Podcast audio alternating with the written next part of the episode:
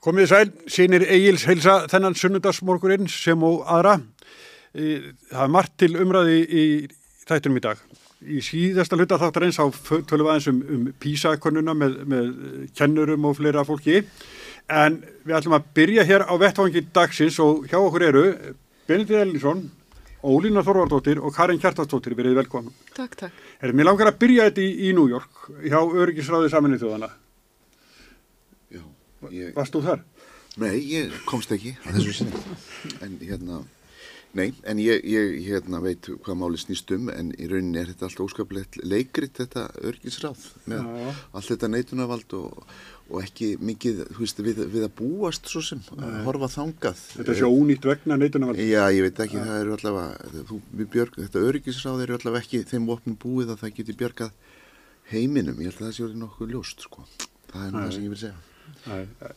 Ólína, þetta var hérna eins og byrjaði kannski að segja með þessu neitunarvaldi þá kannski svolítið fótónu kipt undan örgisáðun eins og í þessu máli sem að alheimurinn horfir á þjóðamorð Já, já. og megin hlut vill stoppa þetta Og, og, og heimurum vill stoppa þetta en menn Já. beita þessu eina atkvæði sem að nægir til að neyta. Já, E, þetta er náttúrulega svolítið til vandi sko með þetta öryggisráð að sko það þurfi alltaf vera samhljómur í öllu til að hægt sé að taka ákvarðanir. já, Og hvaða, hvaða leiðir hefur það hafa þá þjóðir heims til þess að e, ná fram ályktunum um það sem rétt þykir á hverjum tíma. Og það er náttúrulega svo hörmulegt að fylgjast með þessum atbyrðum þarna milli Ísrael og, og, og, Palestínu núna, það- Hamas eins og það er nú orðað, en ég menna bytnar auðvitað fyrst og fremst á palestínskum borgurum og er orðið augljóslega ekkert annað en þjóðarmorð. Og það er bara, ó, það er þingra en tárum takja að skul ekki vera hægt að stöða þetta, já, það er það ganga þarna á milli. já. Það átti kannski engi vonu öðru en það myndi fara svona ve- vegna bandaríkjarmanna tengsleira við Ísæl eða hvað? Já, ég er alltaf svo vongóð og maður vonar alltaf en, Jú, jú, en nei, nei, maður bjóst svo sem ekki við öðru og annað sem kannski má nefna í þessu samengi það er hjásett að breyta já, að því eiginlega svona hættir mér til að hafa meiri virðingu fyrir skoðunum fólks eða getur fært rauk fyrir því en ég er svo sem ekki skilir raukin hjá bandarækjumannum en það að sitja hjá í einhverju af, algjöru afstöðuleysi í svona alvarlegu máli þykir mér mjög einkennilegt. já, það verið þeim að hafi komið eh, bresku þjóðinu svolítið á óvart og, og, Já, við sáum náttúrulega gríðilega fjölmenn mótmæli í gær í Já. London. Þannig að það er mótmælt víðar sko, en, en í London En það er samt þarna svona, kannski eitt svona heimsbyggileg spurningana Já. sem er, er rauninni alltaf á borðinu, tilgangurinn helga meðalið. Sko, í grundvara atriðum er óvinnur þinn sem hefur meitt þig, jável drepið börn, börnið þín, hleypur svo og felur sig bak við önnur saklus börn. Hefur þú þá rétt á að sprengja óvinnin og börnin? Já. Skilur Já, já. Þetta er rauninni stóra hu- hugmyndin sem menn eru alls að samþykja og, og það er þetta samþykjum það að það, já, Ísraelsmenn hafa hann ákveðin rétt að, að, að, að sprengja barnaspítala eða drepa fólk þar vegna þess að það eru óvinnur hans er með höfustöður þar undir. Eitthvað, þessi, þessi narratíf, þessi saga Og líka það að, Og- sko, já, og ég er hjartalega og samanlega. þannig er hún samþykt, sko, og þannig er hún samþykt í öryggisræðinu. Já, í raun og veru. Og það er náttúrulega það sem er svo hérna, þungt að horfa upp á. Einmitt. því að sko, svo er þetta líka hvernig farið þeim hugtök að tala um rétt Ísraelsmanna til að verja sig. Sko, þeir eru náttúrulega löngu komni langt út fyrir það sem heiti getur að verja sig. Þeir eru ekki eins og þeir, þeir, sko, fyrir það fyrsta þetta eru náttúrulega hreinar árásir. Þetta er bara útrýming sem er í gangi með þessum réttlætingum sem Benedikt nefndi Svo er verið að brjóta þarna í raun og veru sko alþjóða lög um stríðsrekstur. Já, já. Þarna er bara verið að brjóta nánast allt, allt í þeirri bók. Þannig að það er ótrúlega sárt að sjá bandaríkjaman haga sér svona að, að bakka þetta upp Já. og breyta með þeim, með þögninni. En það er nú kannski ekkert svo mikill hérna munur og afstöðu breyta og okkar eigin afstöð, okkar eigin stjórnmálamanna í, eins og við sáum þegar verið verða að afgreða ályktunum um mannúðarlið fyrir nokkrum vikum síðan þegar mm. Íslensk stjórnvöld treystu sér ekki til að vera með í því út af orðalagi tillugunar og skáru sig þar með frá á samt minni hluta þjóða. Hver er munurinn á, á þeirri afstöðu og því sem að breytar gerðu. Nú voru Gerðu. Íslandika með Norðurlandaþjóðunum í því að, að hvetja til þess að örgisráði myndi samþykja þess að, ég veit ekki hvort sé hvað tillaga frá hérna aðröytarunum. Já, já, þau, þau tóku sig á, þau við- tóku sig þau á. eru að- Þau eru að færast Já, er að skárri færast í rétta, stað. rétta Já. átt. Það Út af, kannski, hérna, út af mótmælum hér og út Já. af sko, þáttöku íslensk almennings að þá hefur almenningi tekist að breyta stefnu íslenska stjórnvalda sem að byrjaði mjög svona pró-Ísrael en eru að færast. Já, já. Já, já. Það byrjaði náttúrulega á fyrstu, fyrsta viðtalin sem Bjarni Bendisson fór í sem, sem utaríkisaðara. Árás, það eru árás. já, já, það var náttúrulega alveg ótrúlega Lumó. Kolbrún- innkoma. Og Þórtís Kolbrún fór með þetta að Ísraelsmenn hefði ekki bara rétt á því að, að verja sig og heldur bara þeim skilda til þess sem að var svona línan sem að kom frá Pentagon um að Ísraelsmenn mættu bara sækja sína hemd eins og þau vildu. Já, eins og, eins og Bendit var að segja, þetta er náttúrulega alveg galið. Þetta minni við stundum á, á hérna, fórsetuna fyrir innrásinni í Írak. Sko. Það er hérna að, að Hamas séu með hérna, bækjustöður í kjallaranum á sjúkurásunum og þess vegna þurfa að sprengja sjúkurásin. Þetta er alveg eins og hérna, bara, þetta er svo veikar fórsendur. Ég hefur náttúrulega verið líkt við það ef það er árásamæður í skóla með byssu að ákvörðum sér tekin um að sprengja, skólan. Já, þetta er svipað. Já, já. En þetta eru svona það sem eru vantanlega að verða skilgreindi sem stríðsglæpir og það lítur á náttúrulega að verða einhver eftirkost við það, eða er það ekki? Og það, í þessu ljósi verður auðvitað þessi viðbjóðslegu stríðsglæpir rússa í Úgrænustriðinu hvernig, hvernig þegar þessum narratífum verður stilt saman. Það verður interessant að sjá það í eftirleiknum sko, hvort þetta sé ekki búið að veikja allan málarekstur, ég meina að rússar geta bara bent á þetta, skilur við og sagt sjáu þið nú hræsnina Já, akkurat. Já, já, já. Svo er líka eitt sem að hérna er lítið talað um hér á landu, það er staða Netanyahus og sko hans um, áhrif á, á þetta allt saman sko. Ég var að hlusta fyrir nokkru á viðtal í 60, 60 mínútum, hann að 60 minutes, við Ehud Barak sem að var að benda á það að það að Hamas skildi hafa komist inn í Ísrael þarna 7. ok- var þetta ekki 7. oktober og unnið, unnið það, og, það hérna, tjón sem að, og, og, og, og þau yllirki sem að þar voru unnin það náttúrulega var í raun og veru á, verulegur áfellistómur yfir Netanyahu og öllu öryggiskerfinu í Ísrael. Þannig að hann vildi meina að Netanyahu hliti að sitja undir kröfum að segja af sér. En Netanyahu var náttúrulega mjög snöggur að skella sér náttúrulega bara strax í stríð. Já, já. og meðan þá hljóðnar svo krafa. Já, einmitt. þannig að sko það, er, það, er, það eru ímsir það eru ímislegt eldsneitið undir þessum ófriði sem að herja núna þarna niður frá. Já, heyrðu, það er svo margt á dagskrá og mér langar að fara hérna heim í, í mótmælni hér sem var nú í, í var ekki í, í nýjósi ettu íslenskunar sem að Veröld. Á veröld. Og, hérna að hvað glimmir eitthvað kalla sem var skvetti við Bjarnar Bendisson Ólína ég, ég, þegar ég sá þetta að segja af hverju er það þessu, það er eins og hann fái ykkur svona smá eh, orkun eða sko þegar ég sá þetta já, uh, gott orðið sem hún Karin kom með Já. gljásjál hvað það eru, gljásaldur. Já, já. mjög fallegt orðið já, við glimmer, já, já, já. íslenskt orð. Heyrðu, en þegar ég sá þetta þá hugsaði ég, guð mig góðu, hvað, hvað er þetta sem er verið að helli við mannin ég, sko þetta hefði geta verið síra. Mm. þetta hefði geta verið ykkur, ykkur skrattin sem hefði geta valdið honum verulegu tjóni.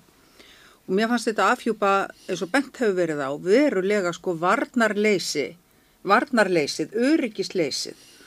Og mér finnast ákveðin tímamót í þessum gjörningi þarna og ég er hrætt við þetta. Sko ég eh, hérna mér fannst þetta ekki vel tilfundið mér finnst þetta ekki rétt aðferð í umræðinni líka vegna þess að ég sé svona ákveðið Pandorubóks opnast, nú kemur krafa um vopnaða lífverði, jafnvel vopnaða lögreglu á almenningsstöðum þar sem stjórnmálamenn er að koma til að halda fyrirlestra á annað. Ég sé bara alltaf aðra ásýnd á samfélaginu.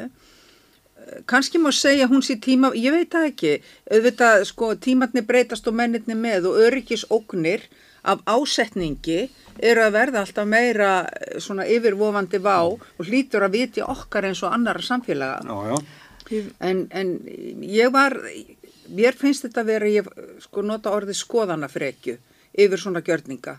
Og þó að ég sé alls ekki sammála Bjarnar Benedikt sinni og mér blöskri þetta þjóðarmord sem á sér stað þarna er í Palestínu og hafi fundist Íslands stjórnvöld ganga slælega til verksvarðandi ályktanir um það mál, þá var ég ekki sátt við þennan gjörning.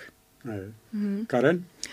Já, ég skil alveg að þessi gjörningur veki upp spurningar hjá fólki og að fólk hafi jafnvel efasamtur um það en á sama tíma þá finnst mér nú doldið æsingur yfir þessu.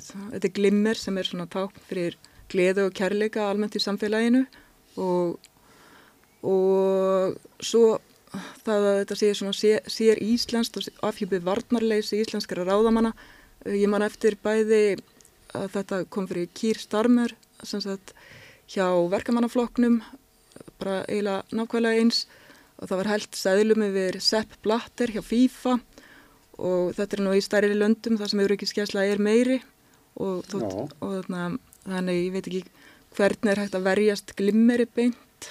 Það er frekar erfitt. en þetta hefði ekki að verið eitthvað annað. Já, já, það, það var svo augljóst sko. já, já, en það var ekki annað. Þetta er, maður mað sér, þetta er tákn fyrir eiginlega eitthvað saklaust og eins og ég segi, bara gleði við þekkjum að úr gleði göngunni þar sem allt er í glimmeri. Og en svo... En það var ekki átt þetta ekki tákna blóð, sko, þau voru með líka með, sko, rauða lóa. Jú, jú, mm, jú, jú en ég er að segja að þetta er valið, kannski, te... en á sama tíma, já, að því ég hef nú verið á skrifstofu stjórnmálaflokks og veit að það var ítrekka skotið á skrifstofu stjórnmálaflokka trekk í trekk, án þess að það kallaði okkur sérstök viðbröð hjá lauruglu, og var í langan tíma, svona áður að hann fór í fréttir, þannig ég veit, ég veit að lauruglan segir að hún takir þessu mjög alvarlega og þetta hefði getið verið annað og það þurfi að huga öryggismálum en svona mm. það hefur ekki verið mikið um viðbrökt en svo líka þegar mér langaði bara að nefna að það er þegar þetta er kannski langt gengið en mér finnst bara öll mótmæli nánast sem hafa verið verið talin of langt gengið mm. það að sitja í andiri á dómsmálaráðinitinu eru oflangt gengið. Það að setja í, í gálgarhaunni eru oflangt gengið. Þannig svona... Klekkja sig við kvalbátt. Já, já, já, oflangt gengið og annað, annað sem ég langaði að segja. En ég, ég má skjótin, ég er náttúrulega mm. eitthvað staðar vegna bakgrunns mín sem leikúsmanns, þá er ég mjög hlindur svona pólitísku leikúsi, svona einn generali. Mér finnst eh, frábært að við tjáum okkur öðruvísin svona með talandi hausum við mikrofóna eða í sjónvarpi heldur að, að menn teikni svona upp stóru myndina með þetta líflegt og, og skýrt. En það sem gerist náttúrulega við þetta eins og maður finnur á viðbröðum og ólína þú finnur að það er svona farið að mörgunum og fyrir þig yfir mörg mm. og, og það sýnir okkur einhvern veginn, wow, hvað fólk er alvara, hvað fólk er heitt í hamsi. Í raunin er að undirteksti hvað langt við gætum hugsað okkur að ganga. Mm -hmm. það, er, það er ákveðin okn í þessari að, aðgerð og ekki af því bara sko það er vegna þess að aðgerðin beinist gegn honum, mannurskinn, það er liti kastað yfir hann Veist, væri hefði verið látið falla glimmir eða fánar eða, eða slögt á kamerum eða eitthvað í kring hef, hef, hef, en aðgerð sem beinist beinlinis gegn mannesku það er kastað á hana lit eða eitthvað eða egg í andlitið á honum. Það, það fer yfir ykkur svona mörg mm. af því það er ógn, það segja þetta gæti verið eitthvað annað, mm. þetta gæti hafa verið síra þetta gæti hafa verið stein, þetta gæti hafa verið eitthvað annað. Það gæti hafa verið nýfur í blómakransinum eins og gerist hjá Lafoden og svo svona veist mm. þannig að þetta er, er þarna sem við finnum alveg mörgin sko. Það er rauninni syngt hérna við, okkur í hamsi sem ég finnst frábært. En að því að aðgerinn beinist svona gegn personni og það er komið svona mikla námt þá einhvern veginn rýsa hárin á höfðu okkar. Mm. En ég hef kostið að verja þetta en mm. þarna, kannski líka út af viðbröðum þegar fólk steg fram til með þessi gær og talaði um að þetta veri árás og ég skil alveg að fólk geti upplifað það mm. en þessi viðbröð koma til dæmis af því að Bjarni til dæmis evaðist um að árásir sem mm. bytnu á lífi almennara borgara, mm. það veri ekki hægt að kalla það árás. Já, já þannig mm. og svona mér einmitt sko og það, og það nú er verið að hlæja því líka fólki finnst þetta að fyndi sko að hann skulle hafa orðið fyrir þessu hafandi beitt þessu orðalagi mér samt ekkert af þessu fyndið í alvöru mm. sko þetta er nefnilega alveg rétt að ég dreg markin við það þegar fariðir í mannin en ekki bóltan mm. Og sko að, að raða hérna raða e, palestínskum líkum gerfi líkum fyrir framann tröppurnar í hörpu þegar er að hefast þar fundur með Hillary Clinton e, það, það er skoðanafrelsi það beinist ekki gegn einstaklingi þó að í orðræðinu síði beint gegn Hillary Clinton þá er ekki verið að eh, ráðast á hana með einhverjum svona áþreifanlegum hætti. Það er verið að sína, verið að demonstrera.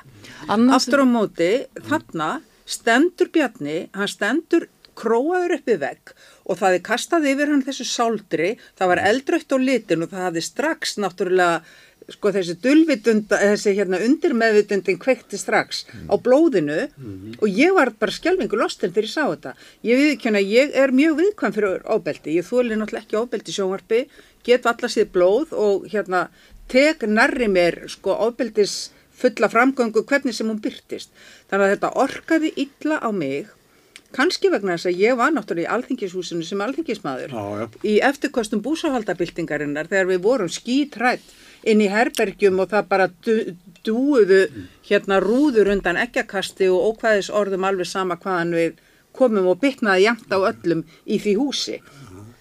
Þannig að ég kannski líka, sko, þetta var kannski svona eitthvað tráma sem að e, tók sig upp hjá mér, það getur vel verið við að horfa á þetta. En e, ég bara verða veðurkenna það, ég, hérna, þarna, þarna dreg ég mörkin, algjörlega. Smári, mér langar að spyrja að því svona við hérna ólínan líka svo sem verið í fréttaskrifum en, en sko aðgangur til dans fjölmiðla að, Mér finnst það bara sjálfsagt að við alltaf því, ég sé enga ástæð til þess að breyta því núna, þú svarar ekki sko glimmeri með vopna eða Nei, kilfu. ég er ekki ákvæmt að einhverju Það- það er ekki- tækifæri sko. Nei, það, ég meina, það væri þá þeirra ákvörðun að nota þetta sem tækifæri til þess að gera er eitthvað sem að þau hafa verið að plana lengi. Það er eins og gerðist raunverulega sömurliti kringum mótmæli á Östuvölli, það þið kannast við að ég held- ég held að sé á 17. júni eða eitthvað, Mm, já. það sem að hliðið var bara komið út á sko, hérna, mm, Hotel Borg. Þau eru búin að stela En 17. sko- júni sko. Það var bara, þetta var orðið bara eitthvað viðsöfn heldra Já, sko, fólksins en- og svo almenningi vísaði burtu. Já, en ég meina Og- eins og í búsahaldabildingunni, ég meina þar hafði þetta almenningu sinn rétt á að mótmæla og tjá sína reyðu og sína sorgu við því sem var að gerast. Já. En svo eru þau þar. Þegar, stein, þegar gangstéttarhellinu var lift og hún stemdi í höfuðið á lauruglumanni, þá rann upp fyrir öllum að það var, þarna var oflangt Þú, gengið. þú ræður því náttúrulega Þá ákveð og gerðist dregur annað sem var svolítið fallegt að mótmælendur sjálfur settu varnarskjöld fyrir framann mannin og sko við verðum mjög slíka stundum að við verðum eins og samfélag, sem samfélag að gera eitthvað álíka. Þegar eitthvað gerist þar sem okkur finnst vera farið yfir mörg þá verður náttúrulega einhver að stíga fram og segja er þetta er ágætt, ekki lengra hér. Þess þess vegna hérna. verðum við að vita hvað gerðist þarna. Það var ekki gangstéttarhella sem var hendi í Nei, nei, nei. Og Við við ekkert það. láta eins og þarna hafi verið síra, það var klárlega verið að vísa til mótmælahefðar sem er bara mjög sterk í okkar heimsluta. Það var hérna bara, er ekki bara nokkra vikur síðan var eh, saldrað dufti yfir hann hérna kerstarmer. Það hefði verið settar hérna kökur í andlitið á, á, Á á stjórnmálafólki held ég bara í öllum löndum nema á Íslandi. Uh, það En var í hérna í, ef ég má klára, Já. það var hérna í mótmælum gegn hérna loldýraeldi, þá var styrtað svínsblóði yfir þá sem að tóku ákvörðunum að vera nýðast á dýrum og mér finnst það að, að þetta með mannin og boltan, ég manna því ég er búin að vera, vera ritsur í Galanda og þá voru bladamenn ofta að bera sig illa undir svona hörðum viðbröðum. Þá saði maður eitthvað, við, við vinnum við það að við erum svolítið með freklegri hérna yðju. Við förum á all heimili og við erum út um allt og erum að skrifa fréttir. Þannig að við verðum að svolítið að þóla viðbröð. Og þau eru ekki alltaf eins og við vildum, þau eru ekki alltaf málefnaleg, en við verðum bara að þóla það. Og mér finnst það hérna í sambandi við Bjarnar Bendisson, hann verður bara að þóla þetta. Hann er að taka ákvarðanir sem að særa síðfyrirskend einstaklinga hérna okkar sem hérna íbúið í þessu landi og það er hann sem að tekur þessu ákvarðanir. Það er ekki einhverju ímyndun af Bjarnar Bendisson sem gerir það. Það er hann í holdinu. Ég, heldur allt sammála um það. Já, já. En það bara sko, til dæmis núna eru sérsveitamenn húsverðir í, í stjórnarháshúsinu. Já. og þetta er eitthvað gæst á síðustu árum svona tegund og hljóðalust og núna eh, fundaðu í, í ráðarabústaðnum og það er búið að koma með eitthvað svona gyrðingu Þetta eru þeirra ákvarðanir. Já, ég veit það og þá er það spurning En að ákvarðanir- nota þetta ákvarðanir verði ekki að til í tala ekki við. Jú, það, það er alltaf hægt við því að sko, þau mæti bara brimma þau standa illa Já, En sjáðu, við sjáðu bara- ekki sendir á því Ef við sem stoppum bara við þessa senu þarna þegar glimmirinu var hérna uh, varpað yfir hann að bretan. Hann fóð bara í jakkanum og hjálpar hann Já, sko, nei, það var annað sem gerðist. Það var nefnilega öryggiskesla. Þannig að sko gerandanum var strax vikið til hliðar og, og, og sko það hættunni var afstýrt eiginlega samtímis. Þannig að hann gætt dustað af öxlunum og haldi ræðuna. Í bjarnatilviki var bara engin öryggiskesla og það var það held ég sem að allt í hennu varði eitthvað svo óþægileg upplifun fyrir það sem urðu vitnað. Það var ekki sem árás og gerðu. bjarna, það var bara stoppaði fundurinn. Þau ákveði að koma þarna, bara svipaðan hátt og var stoppað þarna kryddsíldin á sín tíma. Þau ákveði bara að stoppa hennar fund. En það sem við gerðum svo það sem var- við gerðum strax á eftir sem hefur kannski ekki verið talað um, sem ég fannst mjög áhrifaríkt, Já. það er eftir þetta, eftir glimmerið, þá, sem sagt, þau, komið með banner með kröfum og eftir þessa ræðu, þá kveikjaðu á hátölurum með mismunandi hljóðum. Og þetta eru örvendingarhljóð frá Palestínu, grátur, spreng, sprengiregn og fleira. Þannig mér fannst þetta að því þú talaður um svona, Já. þið, svona leikús. Þetta var stórt dæmi. leikhús. Þetta var mjög stórt Já. leikús og mjög áhrifaríkt og fólk má alveg hafa skoðan að því hvort það hefur verið oflangt gengið en þetta var virkilega áhrifaríkt. Ég meina Og- leikus á að vera alltaf aðeins oflant gengi. Og- það er, það er og leikus. á að gefa okkur kikk, er það ekki? Jú, Trigger og- warning. Og þetta, þetta var mjög óþægilegt á að horfa en Já. það er líka verið að tala um ólýsanlega hrylling. Já, og rosalega einmitt mikið og sem eru persónleir og alltaf þegar upp að kemur. Þetta eru persónlegar ákvarðanir, þetta snertir persónur og af hverju mega stjórnmálumenn aldrei mæta sem sagt gremjunni. Það var stundum eins og ég man í búsahaldabildingunni mikið reyði hvort því það var slett máling á einhverja byggingar eða fólk vera mótmæla fyrir utan heimilu fólks.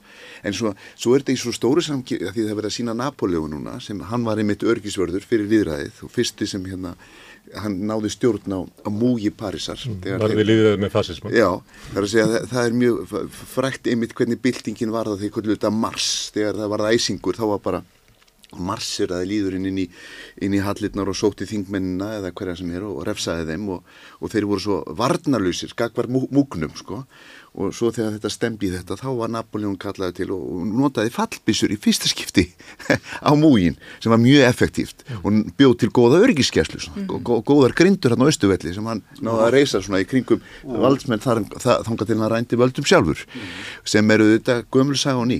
Þannig að ég, bara í þessu samingi við höfum alltaf verið einhvern veginn að díla við þessa hugmynd sko í dýræðissamfélagi það er að segja við um, um annars vegar múgin og hópin og skoðaninnar og, og valdið og þessi átök þar á milli og hvernig við tjáum okkur, hvernig við beitum okkur Já, já, ég meina ég er talsmaður skoðanafrelsisins og hef sjálf hérna tekið mér rétt og leifi til að hafa ákveðnar skoðanir.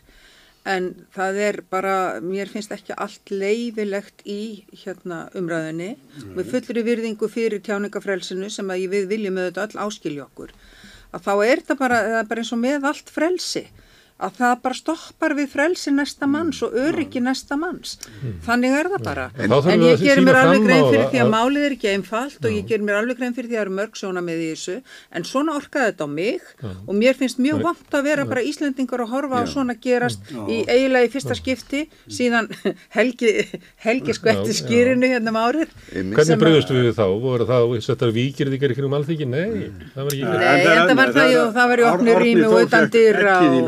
en og við En vil segja- systir mín, já, já, sýsti mín sem var prestur að, að, að, að, við þingsetningu hér um árið, hún fekk egg í eira, það sprakk nú í henni hljóðhimnan, Mm. sko algjörlega, þú veist, óviðkomandi öllu þinginu og öllu, Árni hérna, Þór, já. Árni Þóra, tveim árum setna fekk egg í höfuðið og ég menna, ok, hva, hvar, hversu Já, er- er- þá verðum við að tólka þetta rétt, sko. Þetta er ekki tilvísun í ofbeldið að steinakast. Þetta er tilvísun í, sko, hvað heitir þetta ekki, konfetti, sem er svona verið að fagna hérna mm. höfðingjónum með því að dreifa í kringum hann einhverju. Já, hann kallaði Já. til hamingju og gleðileg jól. Svo gerist undir verður til hlýja og kærleikur í svona aðdöm. Þú talaðir um þannig að þegar fólki hljó- varði laurugluna fyrir steinakastinu, fyrir þetta stjórnaráðið, sem varð svona moment sem var svona, við erum þú í sama liði. Já, já, já. Og, og svona moment hafa gerst, ég mani mitt sem úlingur að vera í, í hérna fjármáraðunitunni, við tókum það yfir með svona setu í ykkur kennaraverkvalli og sátum þar og brutumst inn og vorum með húsbrott og, og við fengum að leggja þar og,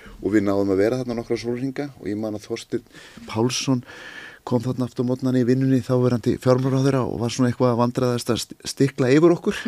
Og svo var aðstofamæra geir nokkur horti sem var alltaf úðalega góður og spurði, er allt í lægi krakkar mínir? Vantar ykkur eitthvað? Skilur og hann var náttúrulega bara hana, og við, þarna, þarna skoraði hann sko, öllum var freka lítil hans. Skilur, skilur, og við vorum samt þarna í holdi að sína, þú veist, reið okkar og svo framvegis.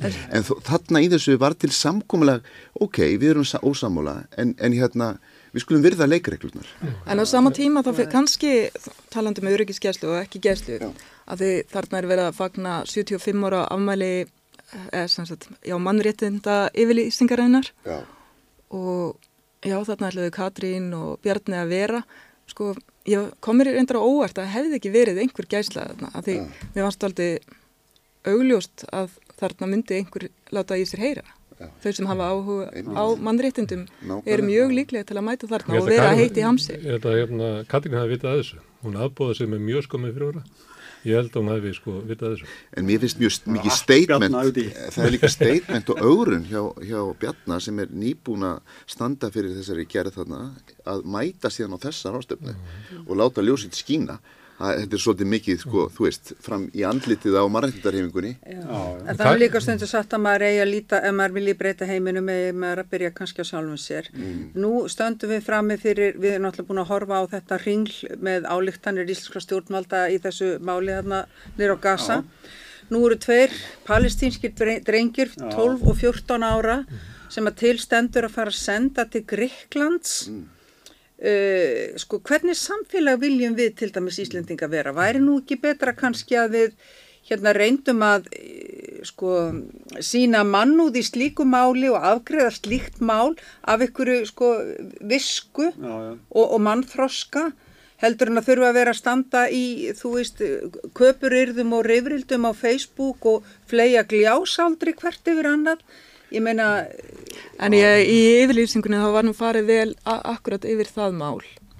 Sem sagt? Fyrir ekki yfirlýsingunni sem mótmælendunir sendu frá sér já, að það væri farið algjörlega, eða eins og ég manna þetta, það farið algjörlega yfir mörg þegar sko íslensk stjórnvöld Já. ætluði svo að fara að vísa þessum drengjum úr landi. Já, Þannig já. ég held að það hefði nú kannski verið rót. En ég meina, tilgangurinn helgar ekki alltaf meðalinn, sko. Nei, ég er ekki að segja það, nenni ég ekki að vera bara- að tala um þetta gljásaldur í sambandi En ég- Ég var ekki að er segja það, ég er að tala um drengina. Já. Það var hluti af því og þe þeirri yfirlýsingu. Mér finnst það sko og gjörningin, en sko, getum við ekki talað hans um þetta Palestínu, palestínsku drengi? Jú, ég ætlaði að gera það. Mér, mér finnst við þurfum að vera miklu persónlegri þegar þarna kemur. Nú er til dæmis það mál, persi, á samt mörgum öðrum málum, komið til kærunemdar þarna útlendinga eftirlitsins. Og það er einhvers konar dó, dómsvald í þessum ákvörðunum sem eru teknar. Og þannig að, en sangvænt nýjum útlendingalögum, þá þarf rauninni nefndin ekkert að fjalla um þetta. Þetta er allt í höndum formans nefndarinnar, sem heitir Þorsteinn Gunnarsson. Og við eigum að tala um Þorstein Gunnarsson. Og við eigum að byrta myndir af honum og þessum starfsmönnum og millistjórnundum sem hafi í mörg ár rekið þessi mál, mótað þessa stefnu og framfyllt henni það er alltaf bara að tala um útlendingaeftirlitið, það er kærunemdina, það er talað um ráþeran, en þarna er menning í þessum stofnunum. og þetta er fólk með andlit og það eru nágrannar okkur og vinir okkur á Facebook. Og þarna finnst mér ég verða mjög væðalus og fara yfir nýjum. Ég vil mæta þessu fólki. Ég- Ég skil ekki akkur fjölmiðlar byrti ekki myndir af honum Þorstein Gunnarsson hefur algjört vald Akkur þarf hann ekki að standa fyrir þessum ákvörðunum. Hann þarf ekki að standa fyrir því. Hann sko, og, Og- getur svo bara Hann unnið. segist vera að vinna eftir lögum sem alþingi setti. Já, Já, en en, hann- sannleikurinn er sá að við erum bundin af fjölmörgum lögum, Já, ekki bara útlendingalögum. Við erum bundin af barnasáttmála saminuðu þjóðana. Akkur er engin að fylgja þeim og, og akkur er ekki hægt að knýja útlendingastofnun til þess að taka mið af öðrum lögum en þeim sem hún Og það er nú eitt sem er hefur beðið eftir, að fá eitthvað svona, tæk, svona þessi tæknilegu rauk sem koma, já en við þurfum út af þessu, en þessi tæknilegu rauk hafa ekki einu sinni komið. Þannig að mér, ég upplifði þetta þannig eins og þau hafi mögulega heimild til að vísa þessum drengjum úr landi, en þurfið þess alls ekki og þessu bundin að miklu fleiri lögum sem Þeir bara... hafa alveg heimildir bara- til annars Já, Já, já. og þetta Þeir Leitaði, bara- og það er Þeir var, þau kjósa þetta. Það er nýbúið að, reka hérna lilla palestinska stelpur úr landi Já. og Já. önnur þeirra var veik, Já, skilur já. og, og hérna, og við við megum heldur ekki gleyma þeim en mér finnst þetta að vera, sko þetta er eiginlega orðið svo svífirðilegt að, að þú veist þetta þetta kallar á ofsa sko Já, Ég meina, þetta kallar á við erum ofsa. að radikalisera samfélag okkar Já. þetta að vera svona siðferðis einhvern svona Og í rof, þetta eins er og ég að vísa. Mhm. sið, siðrof í samfélaginu og, og við, okkur langar að æpa okkur langar að öskra okkur langar að hrista eitthvað til. Og það hafa ekki fengist svör við þessu, Já. bara hva, hvaða ástæður liggja þarna baki, þannig það er ekkert skrítið En- þó að reyðin færist í aukana. Já, og mér finnst við um að tala við Gunnarsson og byrta myndir á hann og við um að vita hver hann er og fjölmiðlega er að tala og það eru fleiri í þessari nefnd. Já, já. Úðalega virðulegt fólk. Já. og það á alltaf við um að hafa þau upp á borðinu og vera með myndir af þeim í blöðunum. Við hliðina á þessum palestínsku skuli aldrei í eigin persónu þurfa að svara fyrir Já, ákvarðanir já, já, já, sem já. hafa áhrif á líf annars fólks. Já. Þetta eru bara andlitslausar fígurur eins og hersöðingar sem geta bara sendt sprengjurnar yfir hafið, þær koma niður ykkur starf annar staðar þar sem að sko það þarf ekki að horfast í augu við neitt sem það gerir. nei, nei. Og þetta er náttúrulega sko í, í, þegar málið er komið sko þegar málið eru varða einmitt mannúð og samvisku þá verður líka að draga upp andlit. Já, og horfi í augu og sjá byttu já, hver er þú sem ert að taka þessa ákvörðun? Þú veist, af hverju gerur það? Og Svarið sem við fáum þegar við viljum fá mannúð og, og sammisku í samfélagið okkar, þá er svarið bara the computer say no. en það er búið að Og skrifa það er eftir þess að við tökum því bara. og það er búið að skrifa óteljandi greinar þar sem bara spurt er spurninga hvers vegna er ekki farið eftir barnasáttmálunum og þetta stendur bara mjög skýrum stöðum svarað. og það, það eru aldrei neinsvör og þessi reyði mun alveg gerjast það, það áfram. eru svör, vegna þess að þú nefndir þarna mótmæli að það voru krakkarnir sem að fóru í tónsmannátið, Mhm. að það verið að elda þau með ákjærum, sko. Það er svörin, En, sko, það en- er svörin, sko, og við bara gleymum því, það voru krakkar sem að vera að gera það sem þau eru að byggja um og fóru og mótmælt þessu og sættu sig ekki við að það væri ekki mann og þér. Að það er, hérna, við, uh, ákjæruvaldið okkar, er að elda þessa krakka. Já, já, en hvar, er, en sko, hvar eru líka fjölmiðlarnir og hvar er fræðasamfélagið? Ég veit ekki. Nei, já, ég meina, já, ég, er, ég tilheyri því og ég er að tala eins og ég gerir, skiluru, en ég meina, hvar eru sérfræðingarnir á sviði mannúðamála sem ættu, og, og lögskýringa sem ættu að koma fram og ræða þetta með, sko, hvað gerist þegar eru margir lagabálkar sem liggja undir í einu má- máli, af hverju er hægt að taka þá bara stefnuna eftir einum þeirra án þess að taka tillit til hinna? Og eins og í þessu máli hans húsins og fjölskyldu sko það er náttúrulega bæði brotið á, á hérna honum sem fölluðu manni og þar með samningnum um, um, um réttindi fallasfólks og svo hérna sýstra hans, þessara tveggja stúlkna sem að sko eru komnar í vernd hér, eru komnar í örugt skjól og bara hugsið ykkur sko þetta að vera að taka fólk, veita því vonina og taka vonina svo burtu. Já, Þú veist, þetta er sem að sé að lesa sál... Sko, að klára sko námi í sjúkraliða, Já. okkur vantar sjúkraliða alveg bókstallega Já, sko. já, já. Þannig að það er ekki svona einu sem þeir hagsmunni sem að... en, þetta er löng saga hjá útlendingastofnun, hún er uppvist af myndum brotavilja og kultúr sem sko það er að reykja mörg mál Já. og alveg endalusmál, það sem að sko í genir allt börn, er lítið af börn sem farangur og það er brotið bæði á þeim útlendingalög, mannréttnita sáttmálin og barnasáttmálin og þetta er allt dokumenterað og stundum og þeir passa sig ofta að gera allt til þess að hlutinir fær ekki dóm. En, og, og svo er náttúrulega frægasta dál- dæmi hvernig hérna, það var skoruð undan lögfræðaðastóð Rauðakross Íslands til þess að passa að fólki fengi nú ekki uh, á svo framvegis. Og til dæmis bara í eitt gott dæmi að því við erum að tala um þess að palatísum stráka bara, það eru önnur svona mál, bara svona eins og afganski strákur sem kom ykkar 16 ára gammal Já. Þú veist og þessu, heyrðu, já ég er 16 ára já við trúum þér ekki, því við hérna að þú ert kannski bara eldri, við ætlum að setja í tangreiningu já ok, ég skal fara í tangreiningu svo bara fara hann ekki tíma fyrir til tvö ár. Þá er hann 18 ára þá fyrir hann í tangreiningu og þess að, heyrðu, þú ert 18 ára. Já, ég, ég er 18 ára. En ég var sagt, já, það skiptir ekki máli. Nú er máli en þú opið, þú ert 18 ára þú þarfst að fara, Já. skilur og þetta er er alveg gert alveg lengi vel. Og líka þegar þeir hafa þannig- verið að lokka, lokka fólk niður úr lauruglustöð til að sækja ykkur skilríki, svo er það þá handikið þar. Og þá ég aftur að benda útlendingastöðu og personur, talandi um formann kærunefndarinnar,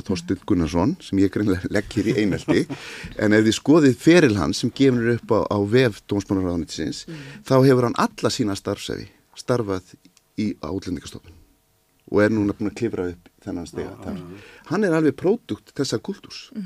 Og, og þetta er löng saga, það má taka þetta munið þegar það kveikti maður í sér örvæntingin og sérstaklega þegar við erum með þessa bylgja flóttamennum sem munum koma, þetta mun versna og versna, en af hverju ekki bara, fó, þú veist, börnin eru bestu einstaklingar til þess að læra íslensku og verða nýtir þegnar. Barna fólk, bestu motivasjón. Þetta er fólki sem við eigum að faðma okkur því þetta hefur mótið svona til virkilega uh, að skilja á milli glimmers og, og hérna glitdufts í framtíðinni Heri, áður í fyrirlegra, þá ætla ég að fyrir þá sem er að hlusta á okkur, segja hverjir eru gestinir. Það er Benedikt Erlingsson, Ólína Þorvardóttir og Karin Hjartastóttir. Sýtja hérna með okkur bræðurum. Há, ég lóki mér Já, aðbili. já. En takk, mér langaði að skjóta, það er nefnilega merkilegt hvað útlendingastofnun og þessi yfirvöld reyna alltaf að fara svona, hvað maður er að segja, ítrustu leið í þessum málum. Já. Og bara eitt dæmi sem við nefnum stundum, það er fyrir, þetta er nú ábyggilega áratögur síðan, þá var ég að fekk ég ábendingu að það veri ung kona hér á landi sem fengi í dvalarleifi vegna þess að hún væri með svo lágar tekjur og hún get ekki séð fyrir sér. Og ég hugsa, mmm, það er áhugavert að því hún er í fullri vinnu hjá þvóttahúsi ríkispítalana. Af hverju í duga þær tekjur ekki til og skoðaði launasælana og sá þá útlendingastofnun kaus að fara eftir þeim tekjum, eða það var viðmiði sem við notu, um sko tekjur eftir skatta. Það var hverki annar staðar gert og, þarna, og engin stofnun sem gerði það. Þannig ég hugsa, já það er nú ágætt að útlendingastofnun sé búin að komast á þessari nýðurstöðu og ringdi bara í verkefælisfélög og auðvitað hjælt þetta ekki til vatni. En það var búið að hafna búsetuleifi á þessar sko, forsendum. fjölda fólks á þessari fórsendu sem stóðst ekki. En það er farið alltaf eins langt og hægt er og það mál fara til mannaréttinda domstólsins og það er komist að því að þetta gengur ekki upp en þá er svo langur tími liðin fyrir þetta fólk og hvað þá eða verið þannig í tilfelli þessara drengja sem við erum að ræða. Og svo velti ég fyrir mér sko maður heyrir ekki neitt úr pólitíkinni nefnum þú veist eiginlega eini púlsinn sem ég hef heyrt. Það er þegar ásmundur Einar Daðarsson stigur inn í og segir að þetta mál skeris í hjarta og, þarna, og segist vilja skoða það. Og maður er svona, hm, vá, það, það er, maður okkur til þakklátur fyrir það. Það En. En sko svo skoða menn og skoða þetta og ég er alveg hægt að þóla þetta orði í íslensku stjórnmála umræðu. Það er alltaf að skoða allar hluti. Svo gerist aldrei nokkuð skapaða hluti og það gerist ekkert meir. ég vil bara, hérna, einhver, að því að vera að tala um læsi ungs fólks hér, er ekki hægt að ég held að mér sýnist að þetta treglæsi hafa byrjað mun fyrir sko, að því Já. er ekki hægt að fá okkur til að hjálpa fólkinu að stauta sig í gegnum barnasáttmálan til þess. Sa, sa, saminuðu þjóðana. Lesnámski í ráðunitinu, útlingastofnun Mhm. En sko, en svo er náttúrulega henni nabra staðrendi er auðvitað svo að við erum í stjórnmöld sem vilja viðhafa þessa stefnu gagvart í útlendingamálum og útlendingastofnunin hagar sér í raun og veru með þennan kultúr sem hún hefur, hagar sér bara eins og hérna vinnutækið í þeim tilgangi.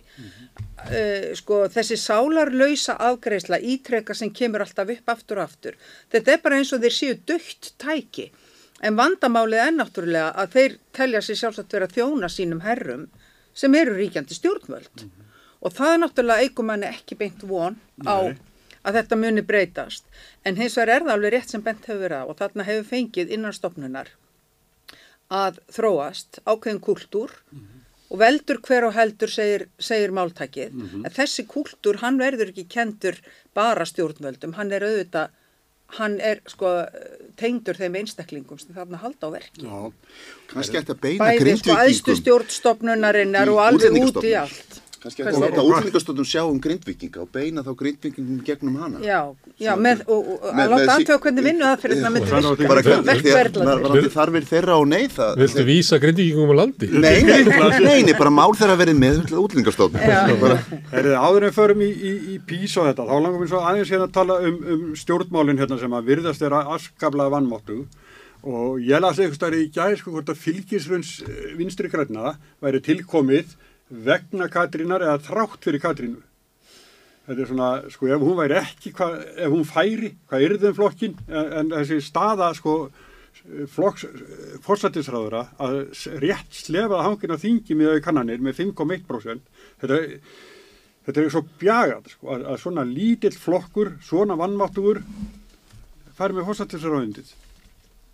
Ólína, þú er politíkusinn. Uh, já, en ég meina, sko, það náttúrulega bara er augljóst að það eru alveg gríðaleg vombriði innan, hérna, meðal félagsíkjufólks með, hérna, framistöðu vinstri græna í þessari ríkistjórn og það er bara byrtast í þessum könnunum. Uh, hlutur Katrínar í því, ég meina það eru alls konar sálfræðilegar skýringar sjálfsagt á því. Fólk hefur væntanlega borið mikla, mikið tröst til hennar í Já, já. upphafi og orðið svo fyrir ríkum for, hérna vonbriðum. Uh, sjálfsagt gagvart henni persónulega og svo gagvart flokknum sem slíkum. En ég þóri ekkert að leggja mat á það hvað er þau um flokkinni, hún, hvort sem hún ætlar að vera að fara. Nei. Ég reyndar hitti hérna mann sem var áður, kjörin fulltrúi fyrir vinstri græn og segi, já, já, hvað segja vinstri græn? Sigurjón, það er lungu búið. Hann gaf mér ekki séns á umræðum En það bara. já, bara meina- lungu búið. Sko, sagan sýnir það náttúrulega líka að þegar vinstriöflin fara í svona heitt hjónaband með, með sjálfstæðsflokknum Mm. í ríkistjórnum, þá, þá tapar að, bara annar aðilinn á því og það er e, vinstriflokkurinn. Já, já. Þetta hefur gerst áður, sko. og af hverju, af hverju tapaði ekki sjálfstæð, af hverju náðu ekki vinstirgreinir að snúa sjálfstæðaflokkni niður í, í Já, af hverju ekki? Af hverju eru þeir ekki óanæðir og, Já. þú veist, hva, þetta er spurning um samlingatekni eða, En svo fannst mér ég að það var svo áhugaverið pistil sem kom frá Jótísi skúladóttur, þingkonu vinstri Já. grætna. Það sem henni fannst mjög ósangert að fólk verið að beita vannmætti og reyði gagvart vinstri grænum í þessum málum. Og þetta fannst mér svo, og það verið búið að vera að senda bara þingmönnum persónulega skilaboð. Og þetta fannst mér svo áhugavert að flokkur sem sko hefur staðið fyrir mannréttindi og, og fleiri mál, að þau þingmenn verði skyndilega ofsalega svona hissa að almenningur eða kjósendur þeirra hafi samband við þau út á akkurat þeim málum. En Hún það er- í þessu þætti fyrir fáum helgum fyrir að Jóti Skúladóttir sagði það að, að, hérna, hún, að Katrín væri alveg meiri háttar hérna leiðtógi og sennilega einhver fremsti kvenleiðtógi bara í veröldinni ef ég manda rétt, það var, hún spara, sparaði ekkert sko. Já. En mér finnst auð- auðvitað þetta sagan um, þú veist, eh, pólitík sem er list málamiluna og þannig er flokkur sem hefur gert það en svo margar málamilanir og hann er búin að geta mikið skít og, og, og bakgrunnu hans og bakland eh, hérna snýst gegn honum og þannig átt að vera, þannig virkar þetta. En það sem mér finnst líka interessant í að það er virðist vera svona tvær narratífur í gangi varandi eh, ríkistjórn og veri, vera í ríkistjórn. Það er að segja við upplifum um þetta sem hjónaband og einhvers konar samtal og málamilanir og en stefnan verður þá að vera Euh, mais ça me fait kipaka. Euh, en, en, en svo heyrir maður sko innan úr þessu hvað þau, þingmenn vinstigrana verðast vera vannmáttugir og segja já en við ráðum þessu ekki. Við erum ekki með þetta eru- ráðuneyti. E, þar er þetta eins og, eins og einhvers konar annur narratífa um, um, um hverjir hafa völdin og hvernig völdin eiga sér stað. Þannig að þú veist og við erum ekkert að kaupa þá sagt, afsökun. Þegar því maður hefur talið að fórsetis á þeirra að síða svona eins konar framkvæmtastjóri. eitthvað svona framkvæmstjóri og það er þessi, hvað heitir þetta, fjölskipa stjórnvald Já, og, sko, og hugmyndir okkar um það saman. Já, já, sko, við, og við lítum alltaf á ríkistjórninar stjórninar sem fjölskylda, fjölskipa stjórnvald sem hún er þó ekki reynd. Nei. Því að það ræður hver á þeirra sínu málaflokki. En auðvitað er þetta samstarf og, og málefnasamningur milli þessara stjórnmálaflokka og það er mjög furðulegt þegar menn koma út á við og tala eins og þeir séu ríki í ríkinu sko og þegar sko fórsættisráð þeirra veit ekki eins og af ákvörðunum í, í ákveðnum málum annara ráðherra í ríkistjórninni. Fórsættisráð þeirra er verkstjóri ríkistjórnarinnar. Hann er það.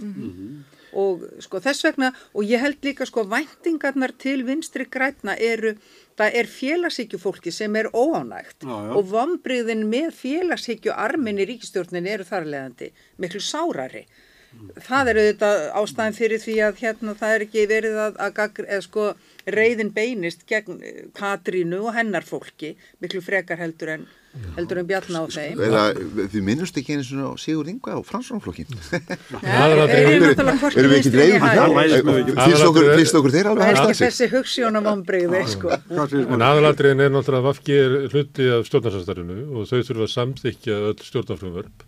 Sjálfstæðflokkurinn áskilur sér rétt til þess að hafna frumvörpum jafnvel þótt að séu í stjórnar hérna, sáttmála og, og þeir eru búin á samkomla í ríkistjórn þá áskilur þingflokkurinn sér rétt til þess að hafna þeim í þinginu og það er alltaf verið að, að aðlaga allt að sjálfstæðflokknum en það er allt eins og hann vil helst hafa það.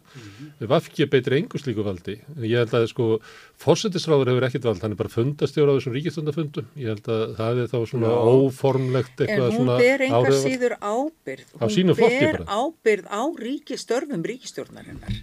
Ég held að sé og bara ég meina var- hún getur ekkert skorast undan það er ekkert hægt Jú, formaður- að, ég er að segja vinstri græn séu sko. ábyrðalaus af Nei, aðtökum ég er að segja, þau, ábyrð á íslensku er mjög Ég- víkt hugdækt. Já, ég er að segja að það er VFG sem að þessu ábyrð. já, já, Hún er bara, hérna, for, hún er formaður VFG og ber ábyrð sem formaður VFG fyrir að svíkja þá kjósendur sem er kausuna flokk, fyrir að hafa borið sjálfstæðarflokki til valda, fyrir að beigja sig undir eh, vilja hans í öllum málum, þannig að ríkistjórnin bara rekur stefnu sjálfstæðarflokksins, þannig er bara hún ábyrð. Hún hefur ekkert vald, þannig að fórstisráður er ekkert sérlega merkilegt starf, sko. Það var það miklu merkilega áður, einu sinni voru þessi efnaðsmálinn inn í fórstisráðuru, þau eru núna komin í fjármálaðundið, þannig að það búið að fátt eftir í, í, í, í, í, fórstisráðundinu. hún vildi leggja fram frumvarp um breytingar á stjórnarskrá og ríkistjórnin hennar sagði bara nei við hana og hún þurfti að leggja það fram sem þingmannamál.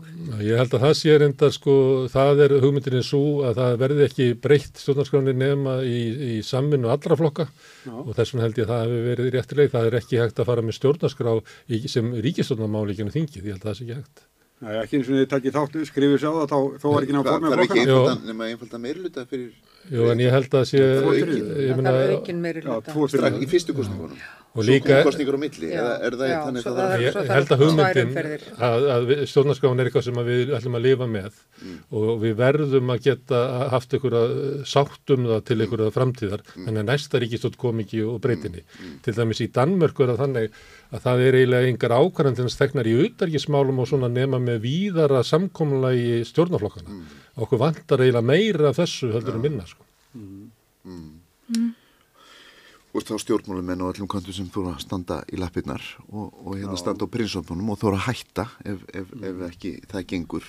Nú, nú un, ungir atvinni stjórnmálumenn þeir, ég, ég sé þá fyrir mér segja af sér með lá- lán á bakinu og börn í skóla og, og í vinnu hjá flokkum sínum og heldur að þeir muni ekki alltaf hlýða svipunni þó að flokkurinn ákveða að taka einhverja uppeyju Þannig að þú veist, með, með unga stjórnmálafólkinu sem er atvinnu stjórnmálafólk sem er alið upp inn í flokkonum og, og fyrir þá, það eru vannmáttugustu og lélegustu stjórnmálamennir.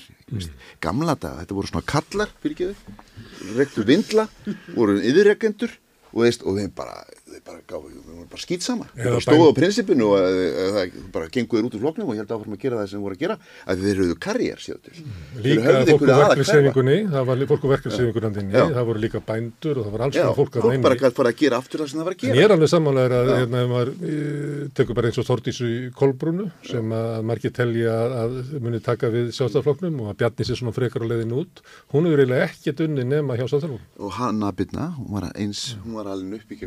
hjá sjálfstæðarflokknum.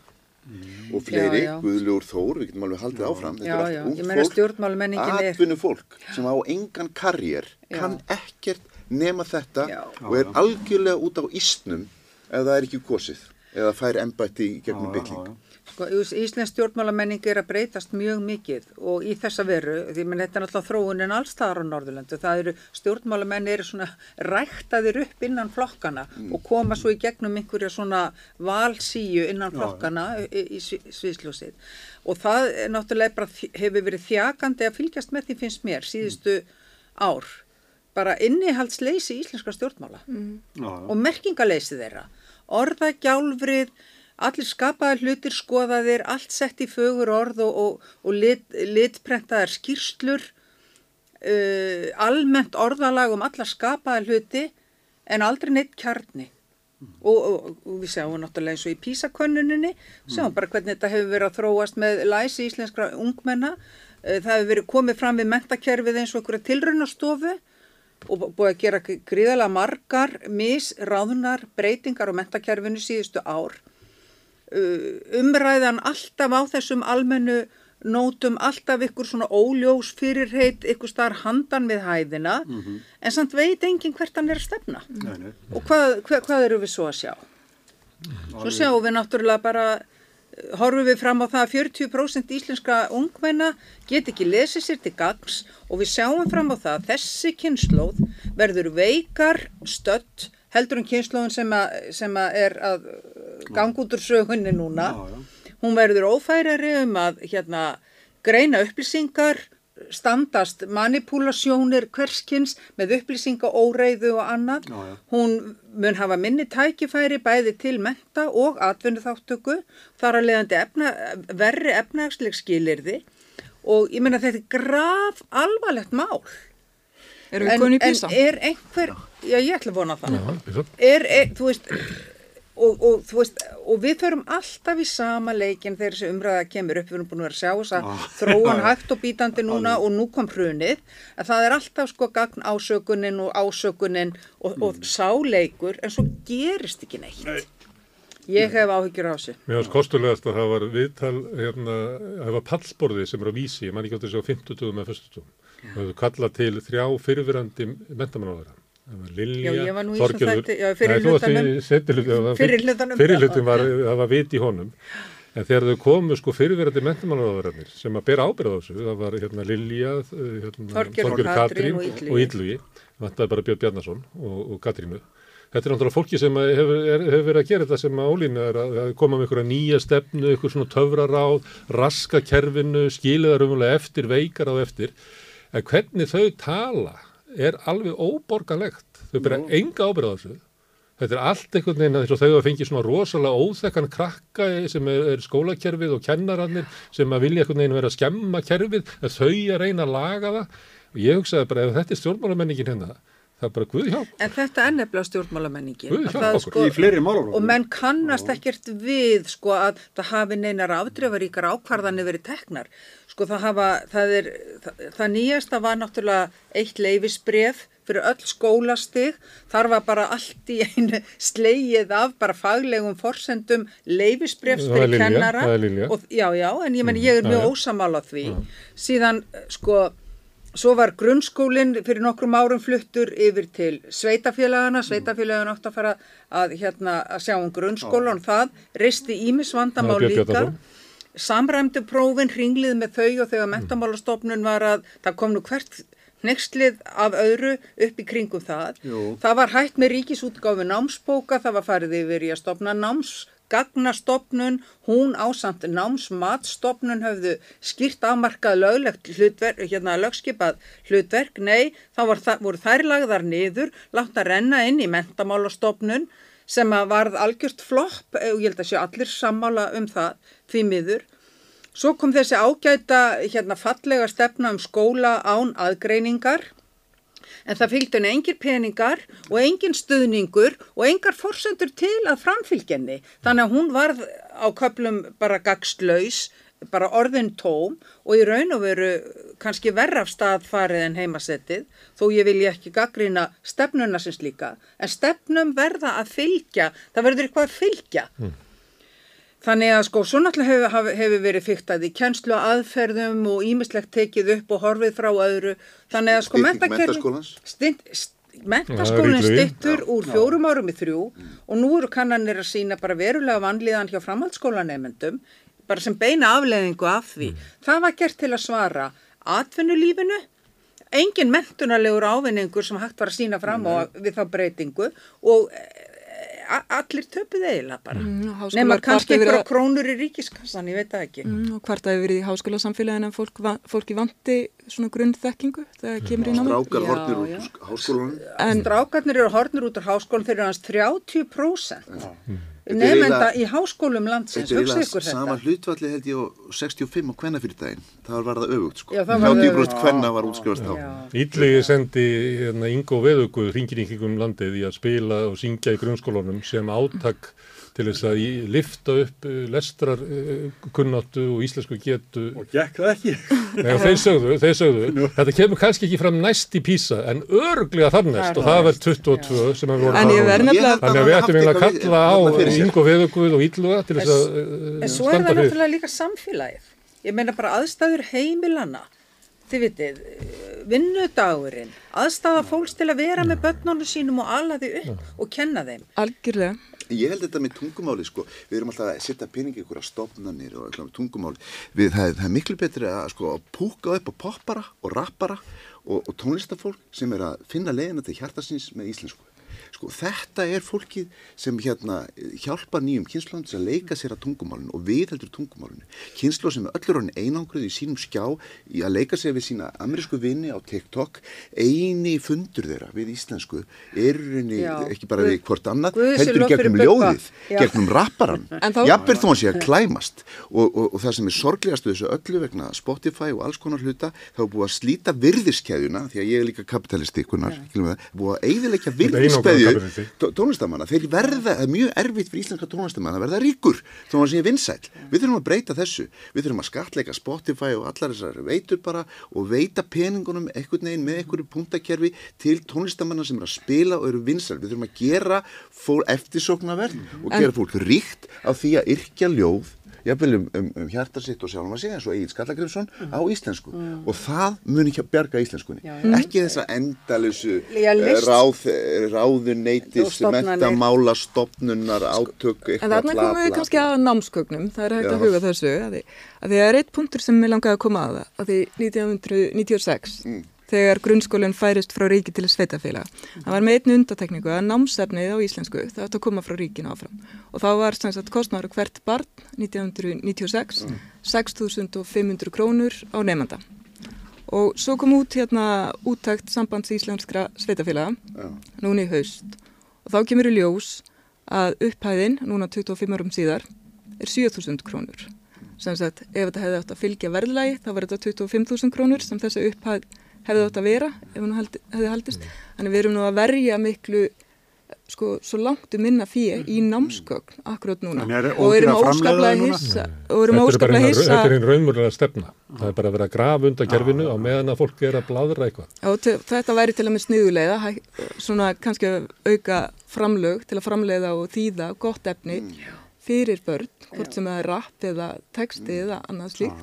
Sko námsgagnagerð hefur öll verið í sköttu líki bara síðustu ár og, og sko og það er ekki peningur í því, sko. eins og, já, eins og í framhaldsskólanum og þar er bara námsefni meira eða minna á ennsku þú veist, í, Í? Í, í framhaldsskólanum, í öllu öðru heldur en íslenskunni. Já, já. en sko þannig að það eru auðvitað náms, námsgagnagerðin og námsgögnin. Svo er þetta náttúrulega hárétt sem að Benedikt er að benda á að það er með alla listsköpun sem getur farið fram á íslensku. Það er snertingin við fólk. Og ég meina nú hefur stöðu bókarinnar hérna hrakað uh, síðustu ár en bókin var náttúrulega upphaflega bara afþreyingar efni og sko hennar staða hafði verulega þýðingu fyrir málþroska og málvitund og málumhverfið allt. Nú er, nú er svo margt annað komið í staðin, það er auðvitað tónlistin, það er líka allt afþreyingarefnið á netinu, tölvuleikir og annað. Það verður að setja metnað í það að sko, gera þetta vel á íslensku, talsetja efni og sko sjá til þess að mál umhverfið sé ekki svona gegnsýrt af hérna Og, þá er, enskunni. og þegar ég tala um námsefni, þá er ég auðvitað að tala um bara gagvirt námsefni, Akkurat, bara sko, þú það er takti í er þessu. Já, algjörlega. Og svo líka hérna, starfslun YouTubera og starfslun TikTokara, það ætti að vera. Mhm. Það, það, ég meina, það er, ég meina, dóttir mín sem er 16 ára, hún er mikið þar. Hún er líka, hún er í, í fyrsta bekk í Kvennu og kemur stundum með starffræðabókina sína sem er svona þykk á ennsku og segir hérna, þetta er ofbeldi, þetta er ofbeldi. Sem það er. Sem það er. sko, svo er þetta orðið nám ég held að nám verði ekki slítið úr sammingi við orðið kærleikur sko. þú veist, ekkert nám á sér stað eh, getur átt sér stað nema þessi kærleikur þú ert að elska sjálfa þig í, í síðinu sjálfsnámi og þegar þú lærir eitthvað sem barn þá er það oft undir verndavæk einhver, einhvers kærleika kærleiksfulls kennara eða ömmu og afa eða foreldra og það er þessi, þessi orka kærleiksins sem, sem skapar þessar aðstæður. Þegar þú lærir að lesa og lærir eitthvað nýtt og þú elskar sjálfa þig nógu mikið til þess að gefa þér þetta rými. Og þegar við erum að tala um kennara þá erum við að, við erum að byggja kennara líka að elska börnin okkar. Já. Og það þarf að skapa rými fyrir kennara. Það þarf að vera eftirsóknverst hann þarf að hafa nógu fáa til að geta elskað. Hann þarf að hafa aðstæðu til þess.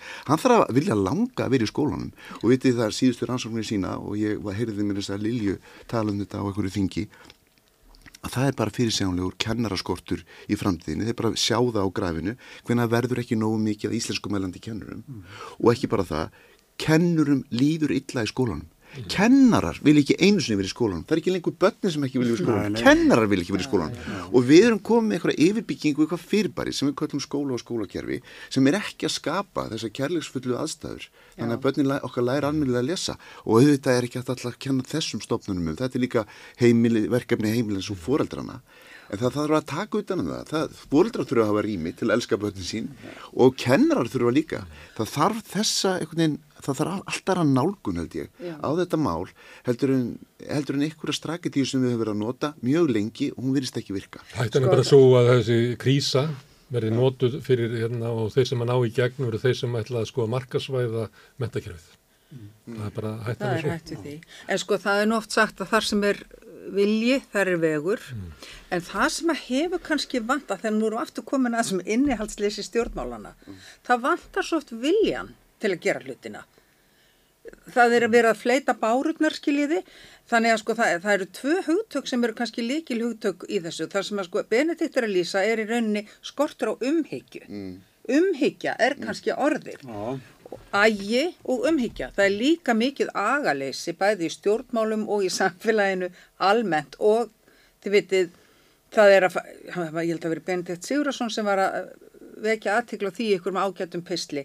Sko hér þykir sjálfsagt að taka börn úr skóla alltaf þrjár vikur og vetri til að fara skíðafrí með foreldrunum. Þú veist þetta myndi hverki líðast börn eiga rétt á skólagöngu, mm. það er skipulagt skóla ár, það vita allir hvenar fríin eru, það er ekkert sjálfsagt að taka batni þrjár vikur skóla og leggja síðan þá aukavinnu á kennaran eiga sinnaði jafnvel með aukaverkefnum og jafnvel á tíms á meðan það er í skíðafríinu. Mm. Þetta er ekki alveg, þetta er ekki eðlileg sko afstafa til þess sem framfer í skólakerfinu og það er líka sko í umræðinu um hérna í umræðu kennarstjættarinnar um sitt starf þar verður maður líka var við svona ákveðina hvað maður að segja und, undanlátt semi við ákveðina hluti sem að er ekkert, þetta er ekkert far sem við þurfum bara að vita það stefnan þarf auðvitað að vera skýr mm -hmm. en fyrst og fremst þarf að vera svona ákveðin umhyggja og vilji fyrir því að láta hana ná fram að ganga mm -hmm. og skýrasta dæmi um þetta er stefnan um skóla án aðgreiningar.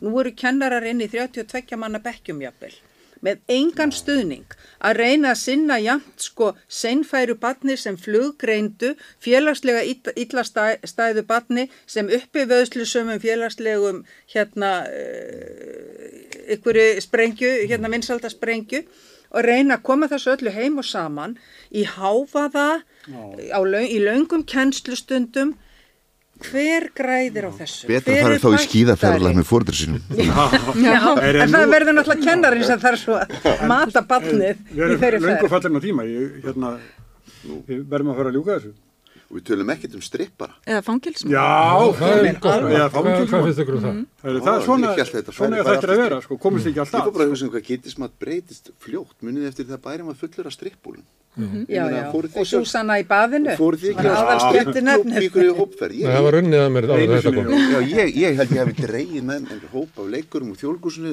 hérna á strippbúlu á grensasvegi að því að við vildum kikja á samkeppnina.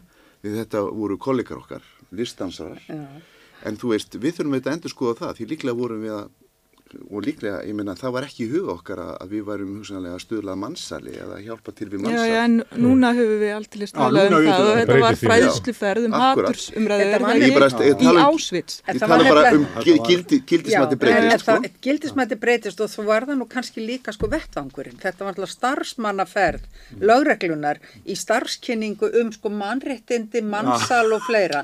Ég upplýði... Þannig að tilefni var ekki alveg nóg. En eins og þessu fannst mér þetta eins og vera eitthvað svona gjörningur þessara stefna. Það hefði bara svona verið þrjári kallahóp og sagt ok, nú, nú skulum við sína nú skulum við valdeblokkur ráðum hérna eitt kall strippara þú veist, því þær hafa kannski þurft að fara á strippklúpa með þessum kallum einhvern tíman áður skilur við, nú sjáu þið hvernig þetta er skilur við, og svo náttúrulega erum við að gefa okkur að þessi maður sé í mannsal því ég veit að margir strippara myndi vera mjög móðgæðir og líti á sig sem listansara skilur við Og, og hérna og þetta er auðvitað en við erum komið með þetta alveg þetta er orðið alveg við hliðina á vændi.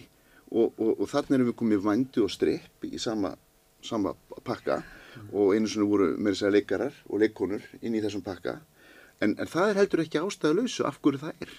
Og hérna og mér finnst þetta vera mjög interessant sko hérna svæði. Því að skilur við viljum ekki taka þátt í, í vændi eða mannsali en, og, og þetta er fornæmt en ef þú skoða statistikum fyrir margir horfa á klám og hvað mikið af þessu klámi er gott klám lítið heilbrikt klám, vottað klám veist, hv- hvar erum við þarna? Og, og, og, þetta er svo mikið sprengisvæði að því að við erum öll svo kynóð manneskjan er svo kynótt dýr. Þetta er sko kynóðasta spendir jarðarinnar. Og verra en kannan þannig að sko þetta er, þetta er alveg ægilega svona interessant svæði þar sem við erum. Og að því að við, og undir þessu svæði er þetta kapitaliska kerfi ríkir, fátækir, topprun, botnin og þessi kúun, tæ, kúunartæki þar sem við erum endurist að kúa mörg hos annars og neyða fólk í, í, í, í krafti þjáningar og, og hérna þarfar þú veist, í alls konar störf sem það vill ekki starfa. Og, og þess vegna, þú veist, hugsa ég sko ef við værum safnar og veiðumenn, það sem allir varu frjálsur og allir lítur, var í sjálfsagt að hjálpa fólki í neyð og engin myndi líða það að var í svangur maður eða húsnæðisturist maður nálat sér og svo myndi einna félagi okkur hópnum ákveða að vilja vera strippari og strippa fyrir okkur. Og, og hann, því hann fær að dansa sjöslæðudansin sko, sem eins og Salome, skilur við þess að æsa okkur upp, skilur við það myndi enginn halda að hann væri undir mannsæli eða þjáningu. Þá við myndum bara líta á hann sem Ef við í Rétti þannig fólk. Já. sko. Hann, hann var leiður þessi Já, já, já, professional heitir þetta. Ég meina ég er legður á kvöldinu þegar ég legg í þjórgúsinu fæ Já, já, hvar, hvar eru mörkin og milli sko hinnar frjálsur listar og hinnar sýningu. ánauðugu, Já, já. þú veist, hva, hvata tilhöfðunar, ég Já. veit það ekki. Ég þekki heldur ekki hlutskiptið strippar Benedikt nóður. eiginlega, sko, En ég starta tek nýju undir þætti, það sko. að þetta var kannski, sko, ég tek undir það með Karin, þetta var ekki alveg besti vettvangurinn fyrir skemmtuna þessu tægi. Nei, nei, en réttur fólks, eða sem sagt, fólks í vandir, Já. það er mjög interessant umræða. Og, þarna, og oft hefur verið, verið bent á að í nu- rauninni það sé gengið á réttindi Mm. með stöðugum bóðum og bönnum, það þurfum við bara frekar að ná utanum þetta eins og Já, já. önnur störf, erfið störf og, og vandasum en, Og en, en vettvangurinn þarna, er mjög vafasamur. Herri, Við verðum að enda þannig, við erum komin í 65 mínútur, þetta er mjög gott hjá okkur. Benedikt, Ólína og Karen og Smári við sittum eftir. Að venju. Takk ykkur fyrir komuna. Takk. Hvernig getur við réttlætt að sívaksandi hópur eblingarfólks festist á legumarkaði? Ebling stjættarfélag. Þetta var aldrei fjör í umræðunum vettvang dagsins en við höfum það til síðs að, að sitta hérna eftir við bræður og kannski tala svona meira um, um, um pólutíkina. Það er hérna desember, það er aðvenda og þá eru allir að undirbúa jólinn og, og svona stemming. Fólk er svona vinanlegra og sumir er svona nostalgískir og, og sumir verða meirir og allt það. En það er hérna þingið, það kýsa að, að vera með einhverja törn. En þannig hefur alltaf verið. Og ég hef verið að fá hérna þingflokksformin í, í spjall Já, og svo þetta er erfitt að ná þeim að því að, að það er svo stjórnlaus vinnustöður hérna, að veit enginn hvað hann að fara að gera næsta hálftíma sko. Og, en ég hérna, byrja alltaf kynningun á því að, að kannski verður ekki þessi hasar í þinginu í aðdrandar jólana því það er eiginlega engin mál, það er, það er ekki engin mál á matsilunum. nei, ég heldur enda að hafi svona allra síðust árum hafi sko tingið hægt alveg tímalega fyrir jól. Já. En ég ætla að segja að frá því að ég var tingfréttafæður, Já. þá var sko, ég held að þetta hafi verið á þólasmessu, allan að daginn fyrir þólasmessu, þá voru mikil átöku þinginu og þá var Ingi Björn Albersson í, í tingflokki sjálfstæðisflokksins og hann er greina búin að tilkynna það að hann ætli bara að fara heim. En það er sem sagt annir í þingúsinu og þegar hann er að fara þá sem sagt en skálum að byggður að fara að ganga út Östuvall og þá kallar Davíð í hann. Og Ingi Björn segir það en ég er búin að segja þér að ég er að fara. Og það, þú ferð ekki neitt eitthvað sem Davíð mjög reyðið við hann. Og þá sað hinn sko, ég er með sex börn heima og ég er ekki búin að kaupa jóladri og fór sko. Að, en það, það er náttúrulega sko vinnu skipulagið er bara, var ekki og er kannski ekki. Verið, sko. þetta, að þetta er afgreið svo í flýti að helstu málina afgriði flýti án umræðu án þess að kalla til gestið eitthvað það er ekki tími til þess og, og uh, við erum búin að heyra bara núna á höstinginu það sem að stjórnar aðstæðan segja við höfum ekkert að gera þetta það það er er engin ríkisvöldamál inn í nefndum. Hvaða mál er það sem ríkistjónir er að ná í gegn núna fyrir jólinn, annað en fjárlægin? Nei, já, ég man ekki. Það er eitthvað í sambandi við það að þessi þau orku skömmtun, að þessi forgangur heimila og, og innlendra aðila á, á hérna. já, já, eitthvað Þú sem veist, En ég meina það er bara því miður, ég get ekki talið upp annað, það er ekkit annað Nei, svona ég stort. held að það hefur allan verið mjög fátækt og það er kallað eftir því bara það hefur, en það eru svona sérstök umræða um eitt og annað á dagskráð þingsin sem eru svona bara málfundaæfingar. En ætti ekki að vera stórkostlegar breytingar á húsnæðiskerfinu til að íta undir í góða kjarasamninga, ætti það ekki að vera núna á dæmis, sko, Það er ekki, dæmis það er já. ekki þar. Nei, nei. Og svo er náttúrulega hinn hérna uh, hérna hvað það segja duglegi, þrautsegi þingmaður Guðmundur Ingi Kristinsson hann kemur aftur og aftur með, með tölulega staðreindir um, um fátæktina Já. og hann, honum gengur mjög illa að fá svona alveg umræður um þetta, hann kemur með þetta í svona óundubunum fyrirspörnum eða störð þingsins en, en hann verðist ekki að mikil hljómgrun með þetta. Það er ekki mál í gangi. Ha, Það er ekki mál í gangi. Það er, hérna, og þingmannamáli eru við hvernig það eru sko. ríkistjórnin þessi og ríkistjórnin á undan og þar á undan og þar á undan og þar á undan hafa allar beðið um svona skýrslur um fátækt Já, eins og þau bara trúið ekki að sé fátækt. Svo kemur alltaf skýrslan og sýnir að það er mikil fátækt. En það er aldrei komið fram neinar aðgerið út af þessu. nei, nei. Og það er, hérna, ég held að sé alveg frá hruni. Mm. Allar ríkistóttir sem hafa verið hérna hafa ekki verið með neinar aðgerðir til þess að mæta Nei, nei, en það hefur alltaf sýrt í álinn, sko. Já, við, hérna var áðan kom hann í sambandi við uh, PISA og þá var verið að tala um bara stöðu fóruðarkynslórin Já. sem að, að við erum búin að vita í alla þessu öld að er svona uh, fyrir hörnandi efnaslega staðara. Það er víða í heim, í, út í heimi er hægt að sína fram á það að, að kynnslóðin sem að, að er núna að eigna spörn er með veikar efnaslega stöðu heldur við fóruðar þeirra. Og, og við getum alveg sínt fram á það líka hérna með tölum. Og þetta er búið að vera svona í alþjóðlur umræðu og þetta er búið að vera ætti að vera í umræðu hérna í íslenski pólitík en er svona til hliðar við það. Við höfum hérna, hún byrtist kannski í umræðu um, um leikskólana og, og fæðingarorlofið og annað svona. En það er ekkert að frétta, Nei, nei, það er ekkert að frétta í þessu.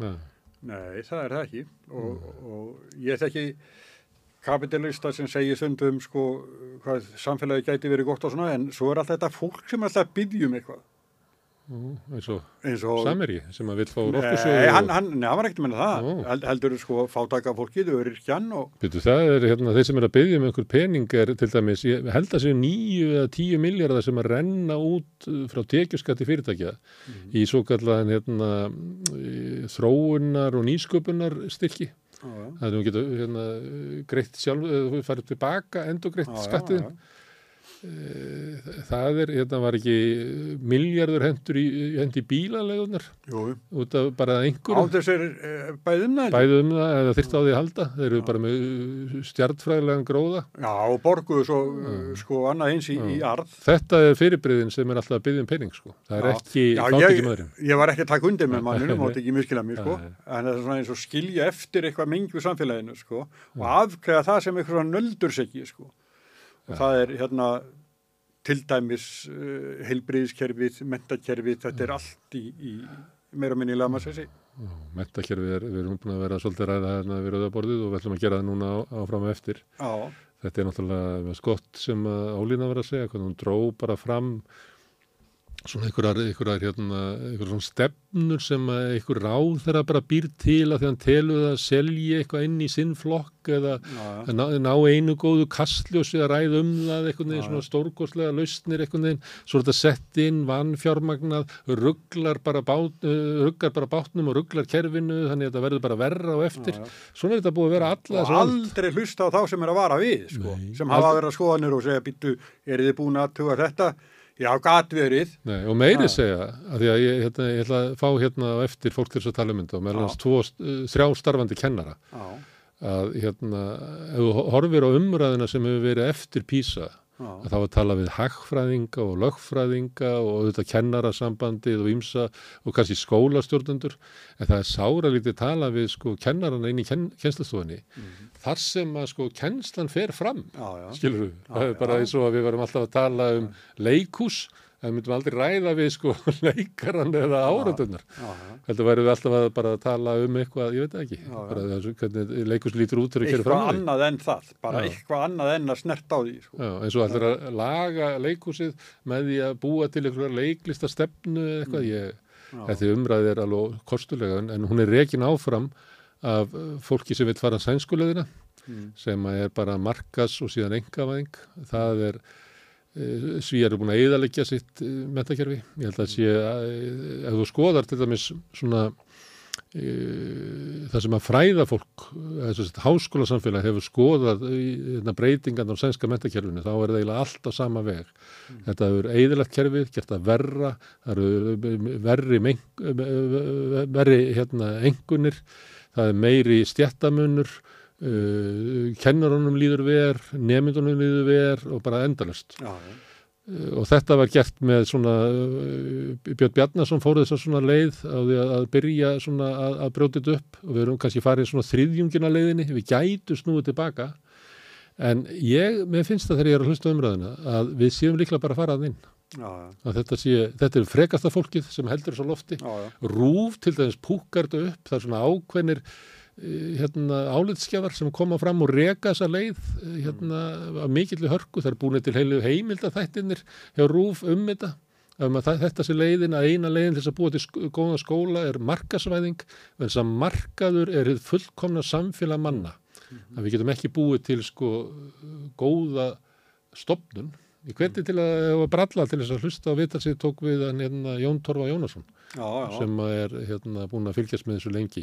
Mm. Það, var, var bara svo mennst, það var svo mikil humanismi, í þessu sem okkur bara vantar í samfélagi. Ég hérna, við hjónin spiluðum golfi með þeim hjónum minn Já. í Þorlósöfn Já, og það var mjög ringur og þá var hann einmitt að, sko, já, ég var að spyrja hann eins og bara, ég er einhvern veginn genetist að vera spyrja, alltaf að spyrja já, og það er, já, einmitt hluta þessu. En ég, er, ég var ég búin að segja þér, hérna, frétt sem ég sá með, með sönnu Magdalenu Mörðurdóttur já, að borgarstjórn er búin að samþykja mm. að vísa því til sem þetta ríkistöndar. hvet er svona. á hveti ríkistöndar til þess að setja útsvars, útsvara á, á fjármálstíkjum. Ég held að þetta er fyrsta máleginar bara sem hún laði Já, ástæðan. búin að, já, það er svona, hún er búin að vera þessu. Sex ár, Sex ár, að hóla steinin. já, Fyrst er hún nefndi þetta, þá hafði engin nefndi þetta, ekki fugsað út í þetta, ekki fattað þetta. nei, nei, Svo hægt og bítandi þá mjallast þetta inn í umræðina. já, Og núna er bara frábært ef að þessi meiri hluti sem hefur hafnað í öllu sem hún hefur stungið upp á, hefur tekið undir þetta. já, Þetta er náttúrulega glóru laust að sé fólk hérna sem er kannski með, þú veist, 50 miljónur á mánuðu og, og borgar ekki neitt til samfélagsins. Og er svo frekast, sko, það vil stundu segja, sko, þeir sem að tekja vel til, að fólki sem heimtar mest Já. af sínu nær samfélagi, af sveita, sínu sveitafélagi og ætlast til mest, það er kannski þetta fólk sem borgar ekkert til samfél þess samfélags. og búið að kaupa bara upp aðstöðu hérna líka. Er bara, og svo er það ekkert hluti af samfélaginu sko, þá keiri það bara á bílnum sínum undir í bílastæðakjallaran og tekur svo liftun upp í íbúðuna sína. Já, já, það sem að þau eru með útsýnið en þeir sem er búið fyrir aftur sjá ekki neitt. Já, en þetta er enna frábært. Að Heyrðu, þetta- en þú ætlar að... Nei, ég ætlaði að spyrja þig um meira um pólitíkina. Nú, Já, vegna þess að hérna, það eru sviftingar, það er náttúrulega verið með þess að stöðu Vafki já, sem er alveg í botninum. En það er samfélkingin sem er að auka fylgisitt. En það sem er, allir líka, það er annar flokkur sem er að auka fylgisitt, sem er miðflokkurinn, já, sem að bara búm, búm, búm, búm, búm, hægt og bítandi, já, er bara komið núna yfir 10%. og með að við hvað hann er bara koma upp úr sko veikri stöðu, er það eiginlega stórmerkilegt og þá, að því við höfum stundum talað um þetta hérna, að þessi óanæja inn í sjálfstæðarflokknum eða sjálfstæðarflokkur sé ekki nógu harður í innflytendamálum og ekki nógu mikill hægri flokkur, svona Brynja Níelsson og, og Kó, að, að þeir, þeir eru að umræða að, að, að þetta, engi, þetta bætir ekki stöðu sjálfstæðarflokksins sem er bara áfram mjög veik. Ég, ég byrja að trúa því að, sjálfstæðarflokkur getur bara fengið 13% í næstu kostingum. 13,7 eins og Já, vegna þess að hann hangir þarna bara niðri. Já, já. og það er ekki svo langt á milli 17-20% að hann bara já. því að ef þú svona, ef þú ert ekki að sína árangur í pólitík, þetta er svolítið miskunarist alltaf, að þá bara getur þú bara að pompa, nú, þú veist ef að, ef að hérna þið færu jafn illa til dæmis með kostningabarátunum þið gerðu þarna í liftusokk gegn verðbólgu, þið færum í gang með eitthvað svona vitleysisgang Mhm. þá sé ég alveg að getið dottið. En, en hérna Sigmundur, hann er bara hægt og bílandi að, að sækja þetta fylgi. Já, já, veit hvað, hvað heitir þetta fylgi? Afturhalds, já, já. Já, ekki, ekki íhaldeldur afturhald. ég veit ekki hvað þetta er. Já, en sko, svo er annað líka, það liggur vel á honum, hann er oft í, í, í, í, í ræðustól, sko. Já, hann er líka, er alltaf, uh, þeim líður alltaf betur sem er með svona góða stöðu, þannig að hann er í góðri stöðu núna og Já, hefur auðvitað sjálfströst, hann var þess mjög fyndin hann í þessu glimmertali, Mm. þá fór hann að kvarta yfir því að ætti ekki að, hann sagði ekki um þetta efnislega, sagði bara að hérna, hún þetta er leðilt að vera kallað glimmer, hann vildi það veri kallað ég, gljáduft, já, þannig að hann getur komið með eitthvað svona skondið og skrítið, borðað hakk út í móa og svona. Já, já. Þannig hann er- ef hann er, sko, hann er komin talsvert fram og framsók núna í, í, í konunum sem að hlýtur að vera markmiðast nummer eitt. Já, þetta er náttúrulega, flokkurinn er stopnaður vegna, hérna, það var val um það. Valdaráns, saðan. Já, það það valið var að fara að leið Sigmundar eða Sigurðar Inga Já, og Sigurður, eh, fyrst var það Sigmundur sem að vann, svo malaði Sigurður Ingi það og menn heldu að þar með væri eiginlega sko forsetta fyrir því að, að miðflokkurinn held í lífi, Birgir Þórardsson matta þannig að þetta væri bara dött dæmi og hljópi yfir í sjálftalókin. En núna er þetta aftur að snúast við, Já, þannig að, að Birgir hefði þess vegna betur sett í kjur því að hann hérna á, á mjög, erfitt með ef hann vill sko fara í, í kostningar fyrir sjálfstæðisblokki næst í Suðurkjörðum og, og, og ná inn. Það er, Nei, það er líka, held ég, sjálfstaflokkurinn að þú nefndir, sko, hérna, Inga Björn, að þeir sem hafa komið svona annar stað frá inn í flokkin, á, þeir hafa, hérna, sjálfstaflokkur vill það ekki, sko. engi framtíð Nei, þau viljið það ekki. Nei. Það var hann að, hvað heitum ekki, Kolbrún sem að fóð frá bandara jafnamanna inn. Jónsdóttir held ég Já, það er Ingi Björn og einhver annar sem að fór með og Reggviður. Og ég, það við- eru fleiri svona dæmi, það sem Já. að, að sjálfstaflokkur bara viljið ekki. Nei. þú veit bara, innmúrar eða ekki já, það er bara ha, og Mm. það er okkar fólk og hitt ekki það heldur að Bjarni sé hætta? já, ég held að hljóti að vera Já. ég held að hljóti bara að vera Mm. en svo aftur En hérna heldur að sé viljandi eða heldur að hann bara átti sig? hann er bara búin að spila leikin og enda Eh, Já, meina, með, því að taka þessu ákvörðun, þá er hann kannski verið að gæla við að þetta gæti, hann gæti koma löppunum út úr þessu. Svo þegar vikurna líða, þá áttur hann sig á því að það að hafa farið úr fjármálandunni yfir þetta er eiginlega liðin út. Já, Heldur það sé? Já, og líka, ég held reyndar að hann hafi sko, alveg sama hvað kom frá umbósmann alþingis að hann nýtti sér það til að komast út úr fjármálaráðundinu því að þar var hann búin að vera lengi og þetta var orðið tómturuk, það er alltaf halli á, á, á ríkismúlskapnum og, og það, það, þetta fólk finnur engar uh, lausnir uh, fyrir fólki í landinu sem er að drukna undan sko stöðu efnaðasmála. Og, og svo er þetta er einu sinni alltaf rætt sko í pólitíkinni. Nei, og Þórdís Kolbrún mun ekki styrkjast á því að vera í þessu sem Þetta er bara slæm tíðindi framöndan. Já, já, já, hún gat bara ekkert annað en hlýtt hérna og, og, og farið þannig inn. Og eins og ég hef sagt sko, hún kemur hérna bara, eh, það er ekki eins og búið að fara út með rusli, sko, hún þarf að laga til eftir eitthvað svona gáleysislegt parti Bjarnar Bensson í tíu ár. Já, hann líka eftir hana, það er til þess núna er að verða svona breyting bara innan NATO og bandaríkjana í sambandi við Úgrænu. Þannig allt þessi herlúðra tal áður að við munum standa með Úgrænu þangar til að búa að sigra Rúslanda og Víverlinum. Allt sem að Þórdís bara, bara, hún var alltaf herskáist á öllum þessu fundum.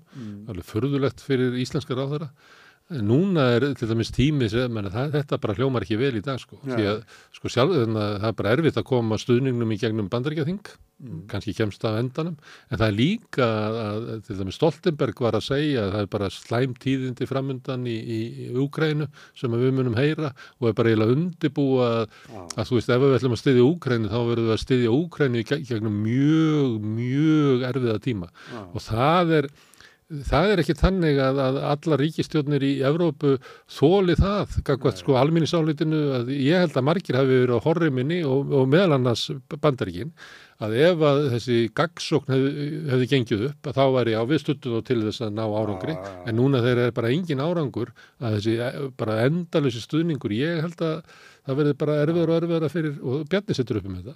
Hann þarf að koma núna og fara að tala um Úkrænu og allt annan hátt heldur en að hún fekk eins og mannstu ráðstöfnuna sem verður nýri hörpu þar sem að hún og Katrín voru eitthvað að, að, að búa til eitthvað kerfi um það hvernig ætti að, að, að sko fá stríðskaðabætunar út úr uh, Pútin það virkar nú bara hlægilegt í dag sko því að, að, að það því miður sko, því miður hefur þetta Úkrænustríð dreigið svo mikið á langin já, að þetta er alveg bara því miður sko. þetta er segi hryllilega mannfólk hvað er það margir að dáið þarna? Núna er, er sko þessin yfir 30 stiga froststana og fólki á ekki lengur heimili, ekki, ekki gler fyrir gluggum eða og fórnunar á vígvellinu þar sem er bara teknað sko þessar kynnslóðir ungra manna og bara fórnað. Algjörlega. Svo er talað um að það sé að slitna á milli Hersins og, og Selenski og þannig að kannski það sem að Stoltenberg er að vísa til, það væri einhverjar hérna, slæmar fréttir. Það, það, er, það er hörmungur ástand. Og svo ertu með Gaza, Já, já. þannig að Bjarni hérna, uh, Þórtís Kolbrún svolítið sveif á einhverju svona, einhverju svona hugmynd Vesturlanda um að þau væri einhvern veginn Já, verður alltaf að verja gildi hinga og þanga, alltaf að verja gildi hérna Vesturlanda í Gaza já, já. Það er ekki gildi þar. Og hérna svo er að renna fyrir að það er ekki gildi því að vera sko fórna heil- heilum, heilum kynnslóðum ungra manna og vígvellinum í einhverju fóraði við að berjast um einhverju rústir. Þetta er bara Já. hryllingur. Já, og svo náttúrulega þetta ótrúlega rán á börnum frá Rúsland, nei frá Úgrænu. Þetta er alveg bara, þetta er hryllingur bara og því miður, þetta er fáum ára síðansmári. Þá óttuðustu við ekkert svona aukin stríð, eh, sko, til þetta alls ekki í Evrópu náttúrulega. Mm.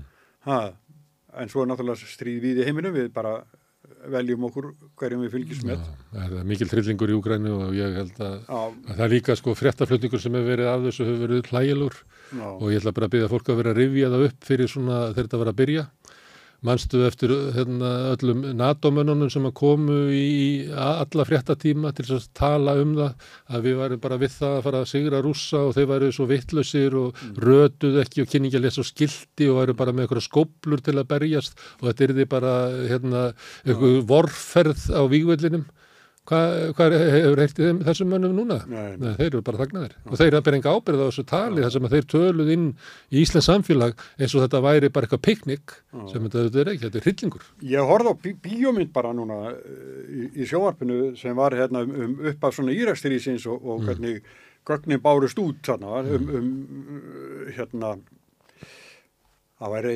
sko fölsun Já, á, á já. hvernig þetta startaði þessu. bara Ég sá alltaf fyrir mig maður myndina af, af Haldur og Davíð maður þegar hann tekinir í stjórnarásúsi sko. Það, valgjurir auðlar sko Byggt, byggt á lígi. allt saman og, og þeir eh, hérna törur ekki eins og viðdaríkismála nefndi eða alþingi en okkur bara tveir kallar hann sátu sko mm. drikklanga stund sko Einhverju og, tindóðaleg.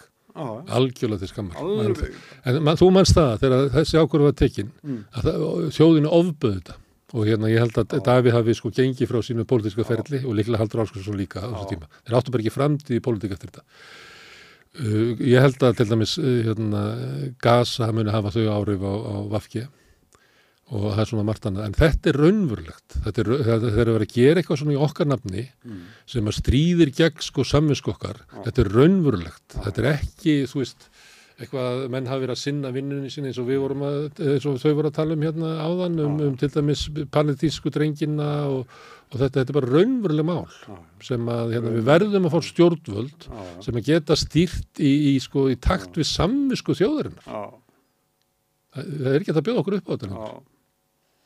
Þegar þetta var þá eh, talaði Jónas Kristjánsson við mig Já, og ráðlaði mér það að við hægt að nota myndina sem við tókum aðna vegna sko að það var slæm mynd af Haldur Áskrinsinni það værum eins og værum alltaf að höggvið sama knerun sko.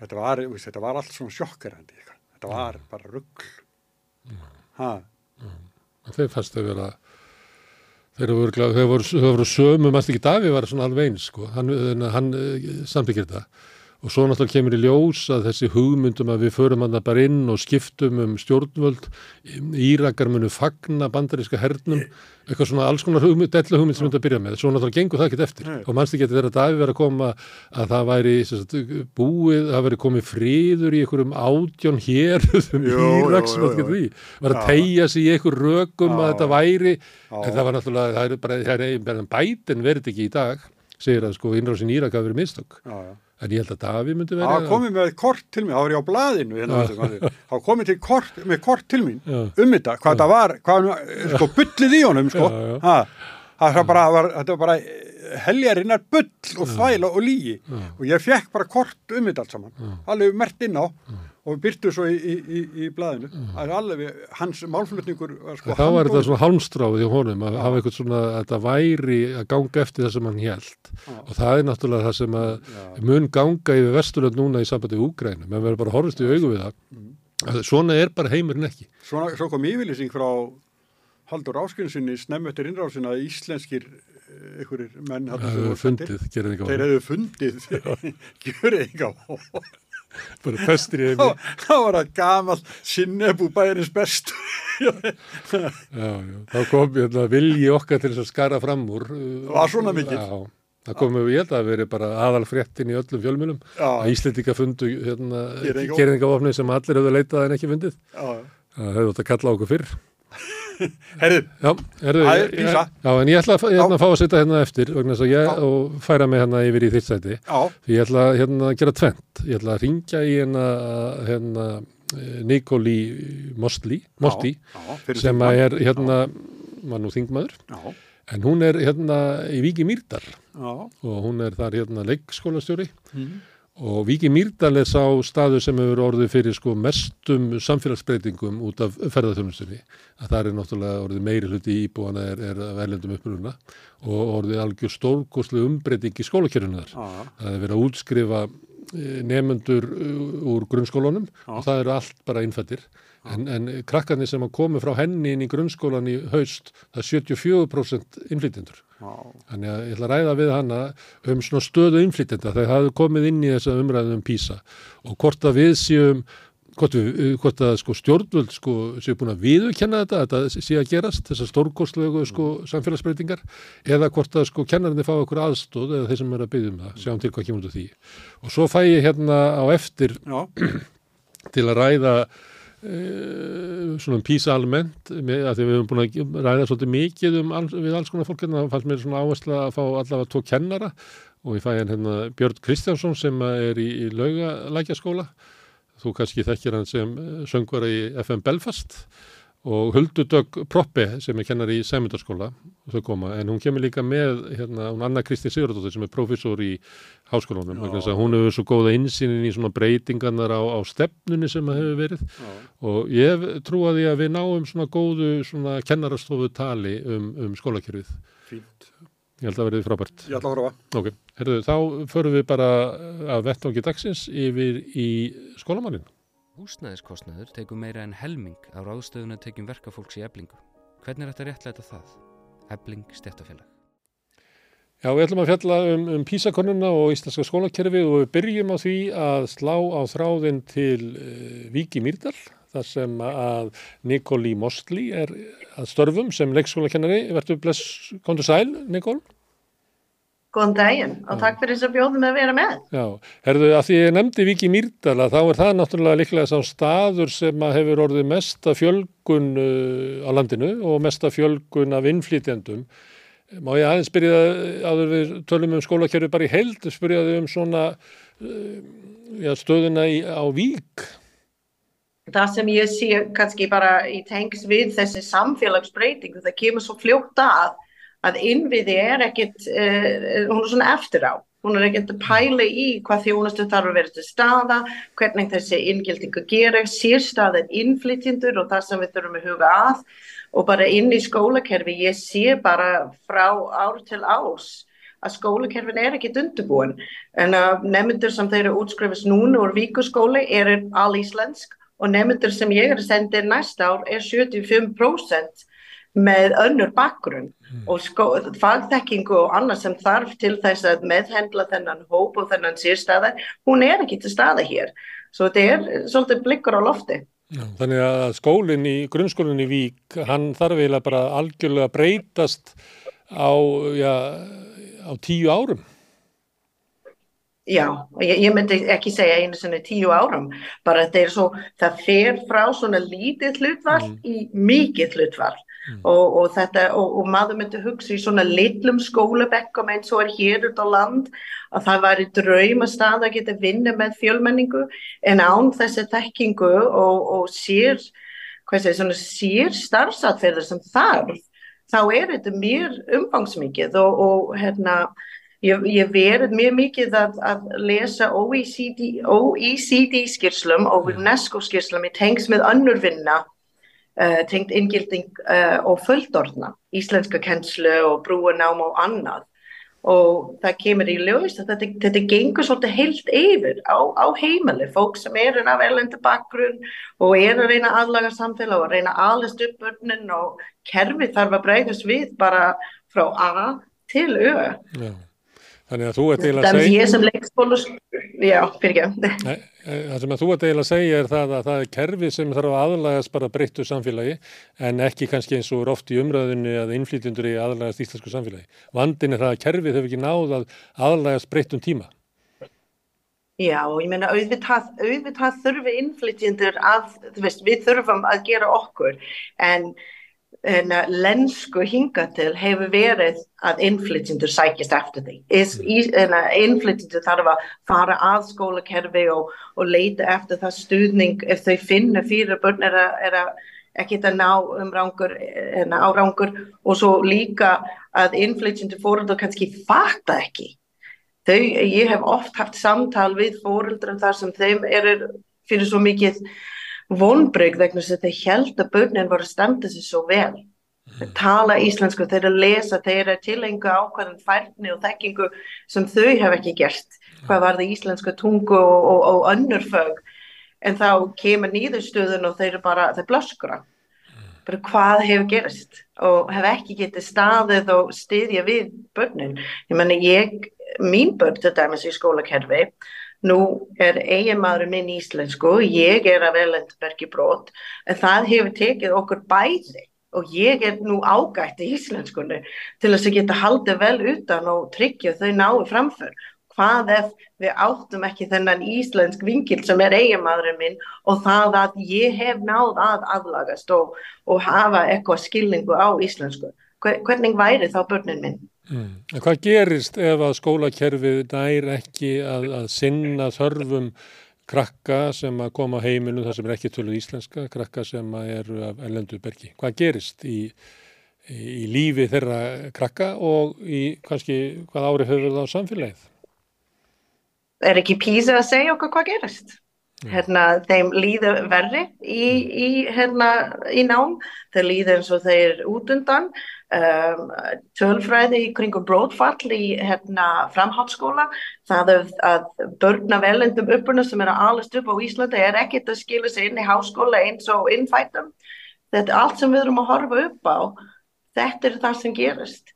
Og, og ég var að lesa svolítið vel í gegnum hérna, PISA skisslum og, og svo samhliði því allt þessi OECD skjör í íslensku hérna, efnahagskerfi og kaplinn, sírkapli sem heiti hérna, Immigration in Iceland Addressing Challenges and Unleashing Benefits þá var mikið umræður um skólakerfi.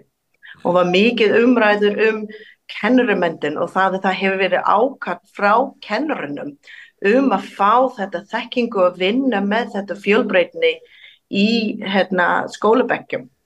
Og þar sem ég hef stúdur mjög mikið í hérna, fjölmenningulega kennsla aðferður, þetta fjölbreytileiki og það hæfni og færni sem við þurfum hvað varður menningunæmi og ég líka hugsað um þetta hvað varður vinnustöðum og annað. Tveir megin stóður eða reyndur þrjú megin stóður sem kom mjög skýrt fram að skortur hjá íslenskum hérna, nefndum samkend samvinnu og þetta viðsýni sem er í forvinni. Þetta er styrkleikum sem þú beitir til að vinna með fjölmenningu og fjölbreyta barnahóp mm. og, og við erum að sjá líðustöður sem segir að þetta er ekki til staða en þetta er það sem kennar að þörfi þeirra, hvað ég maður segja, töfrapoka þegar þeir mæta mm. í skólabengum. Mm. En nú hafa orðið gríðalega breytingar eh, í Víkimýrdal eins og þú ert að lýsa. Að það er hérna, þeir sem útskrifast núna eru eiginlega fyrst og fremst innfættir en, en það þeir sem eru að koma inn næst, eh, næsta haust verða 70 rúmlega prósent hérna, börn af ennlundum uppruna. Hvað er það sem að, eh, nú myndum við þá að halda að, að Viki Myrdal væri eiginlega bara frábær staðu til þess að, að hérna, íta úr vör einhverjum svona breytingu sem að geti nýst annar staðar, þannig eru mestu breytingarnar og mesta þörfin á því að, að breyðast við.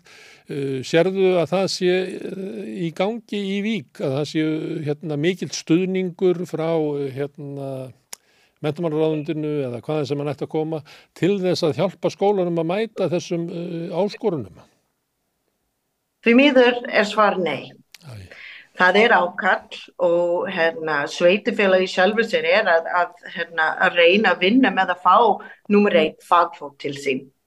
Hérna, það var sérstaklega leitað eftir að, byggja mig um að koma og, og starfa við leikskólan, það er verið að byggja ný leikskóla og líka í æskilegur tómstarf, um, hvað var þau stuðning frá hérna, yfirvalt Um, ég ætla að vera bara alveg hreinskilin. Ég var að fá til kall frá myndumálustofnun um umbóta áætlun vegna ídrumat sem var framkvæmt 2019 uh, og hún hefur leið pínu svona ósnertuð og óefturfyllt þannig sér í, og ég sitt og er að fara í gegnum umbóta þættir sem hefa átt að vera unnituð og það er áður en þessi mikil umbreyting kemur. Nú er ég með bekkjum sem eins og ég segir, leikskólabekk með 75% nefndir af elendum uppruna og ég er með umbóta þættir sem ég sé ekki hvernig ég á að vinna upp. Það vandar fagþekkingu, það vandar íslensku tungu Og hér er, er eitt þáttur sem er kannski mjög mikilvægt. Ég tók eftir í um, kapli í nýðurstöðu vegna písu um einmitt hérna, læsi. Mm. Og þar er farið djúft í því að við þurfum að vinna heilt yfir hvað varður íslenska túku og, og þeim fælni sem erur partur af lestur og, og samskipti. Og þá erum við með íslenska leikskólar þar sem Íslensk fólk er ekkert að sækja um að starfa í. Ég hef auðvitað strísvarsunum nú og ég held að ég er með 80% allt umsækjendur eru fólk á velendum uppruna sem er ágætt en við þurfum íslensku og við þurfum sér þekkingu. Við erum með alls konar ný námsefni sem hættir að nota í leikskólanum til þess að ebla öllu svona málþráska þærfærni en við erum með starfsfólk sem kann ekki að nota það eða kannski þetta ekki framrétt. Við hefum lagt til dæmis allt starfið okkur undir til að ebla íslensku þekkingu starfsfólks. Við erum að taka þátt í stór hérna, starfstengt námskeið á vegum Háskóla Íslands til þess að ebla það. Samhliði því er ég reyndist við að koma inn hérna, bara grunn þættur um hvernig börn læra á þessi þroska, mikilvæg þroskastig og, og málurfin almennt og málurfin tvítingrabarna, hérna, íslenska sem annars máls. Það er bara ekki nóg tíma hver einastu deg til þess að vinna með að ebla fagþekking í skóla, íslensku kornáttu og svo sinna þarfinnar fjólkskýtu og nefndamir. Mm. Þetta er gríðarlega mikilvægt mál ég, og þetta er kannski eitthvað svona stóru verkundur sem samfélagið hérna, tekur þarf að taka á og þú hefur fylst lengi með stöðu innflytjandu í Íslandi. Hva, hver heldur að sé ástæðan fyrir því að það er ekki meiri svona alvara í aðgerðum? Veistu, hérna, ég ætla að vera alveg reynskilin að þegar hérna, písa kemur út er ég ekki hissa fyrir gangnum gegnandi erum við ekkert að sinna inngilding næla vel og það kemur út í öllum rannsóknum. Hér á Íslandi erum við með hæsta þáttöku innflytjendur á vinnumarkaði öllum OECD-löndum og hérna, samt erum við hérna, innflytjendur standur á höllum fætum. Mm. Bara allstað ræði kerfi á, á hérna, þó að við erum vel launið og í góð starfið þá það kemur bara trekk í trekk hérna, nýðustöður félagsvísandi frá hérna, 2019 um, rannsóknum frá Háskóla Íslam um íslensku kennslu, ímsum félagslega hérna, rannsóknum hvað varður, hvað við stöndum, ASI kemur trekk í trekk út með það ný skýrslu frá BSRB mm. og þetta er ekkit tilviljan að þetta er líka að bytna innan kerfinum á nefndur.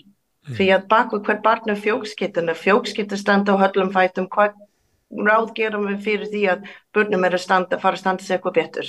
Mm. Og ég ótast þess, komandi frá bandreikunum, segja bara satt sem ég er, að þar eru menn líka farin að grýpa í rassan og við þurfum að gera meira hvað var þessi hluti vegna sem við höfum kert okkur áfram á vinnuafl, innflytjandum og annað mm.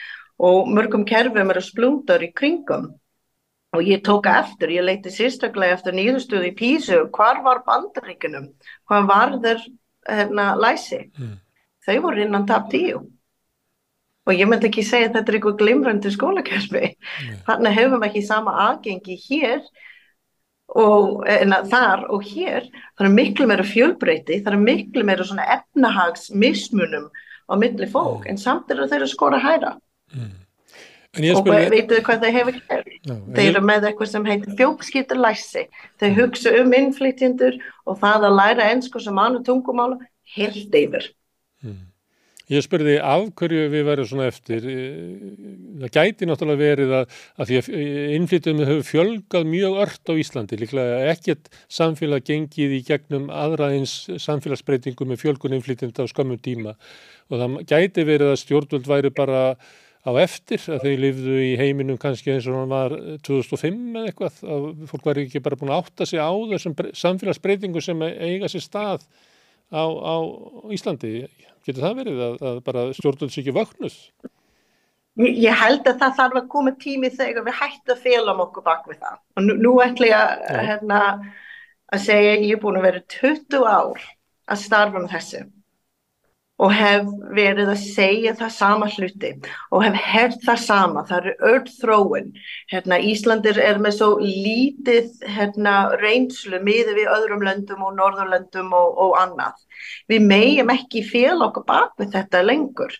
Mm. Þetta er bara, við, við þurfum að horfa og ég veit að það eru stefningar sem er í, er í gangi núna og það voru þættur sem voru sett inn í mentistefnun og það voru tekið íslensku sem annars máls en í þessi skýrslu sem ég lesi frá OECD þau vitna í 2016 þegar kennara var að kalla á aðstof mm. og þau segju bara fjármagnin, það er hvergi skilgrei, hvernig fjármagnið er kennslu fyrir hérna, nefndum með erlendan bakgrunn Ég veit að Reykjavík og borgar með svona síðustak hérna, fjármaks sem var lagt í leikskólanum þegar ég var að starfa þar mm. og þau hefur farið í átakaverkefni en þau tala líka um átakaverkefni er ekki lengur málið. Átak er búin, nú er mm. þetta heilt yfir, það þarf að fjármagna þessu. Svo að jú það má segja hröðþróun hefur haft áhrif en það er ekkit eins og menn sjá, sá ekkit fyrir sig. Ég er búin að vera 20 ár og búin að segja þetta sama hluti innan mentingerfi og sem innflytjendur. Mm. Það er bara komið tíma að við bara gerum hluti. Mm. Kæra þakkir Nikól fyrir að leifa okkur að ringja í þig og til þess að geti sagt þetta enn og aftur því það sem þú ert að segja er mikilvægt. Takk hjá það. Þetta er mjög mikilvægt. Við, við, ég þakk ykkur fyrir og bara njóttu þið. Okay. Áframhaldandi samtal. Já, kæra þakkir og nú snúðu okkur að frekar umræðu um skólakerfið hér eftir augnablík. Hvernig getur við réttlegt að sívaksandi hópur eblingarfólks festist á legumarkaði? Ebling stettarfélag. Já, við ætlum alltaf áfram að tala um skólakerfið af gefnu tílefni eins og sagtir. Hingað eru komnir uh, kennarar, Hulda Dögg Proppi sem að kennir í Sæmundarskóla. Mm -hmm. En hér er líka prófessor, Anna Kristín Sigurdóttir, prófessor í mentavístasviði háskólas og Björn Kristjánsson, kennari í laugalækjaskóla.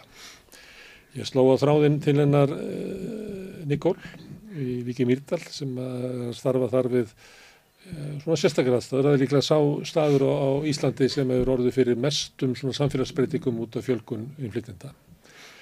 Og það hefur verið umræðin út af PISA er það að, að hluti af vandanum mm, gætu orða sem svo væri þá skortur og aðlugun skólakjörfsins að breyttu samfélagi.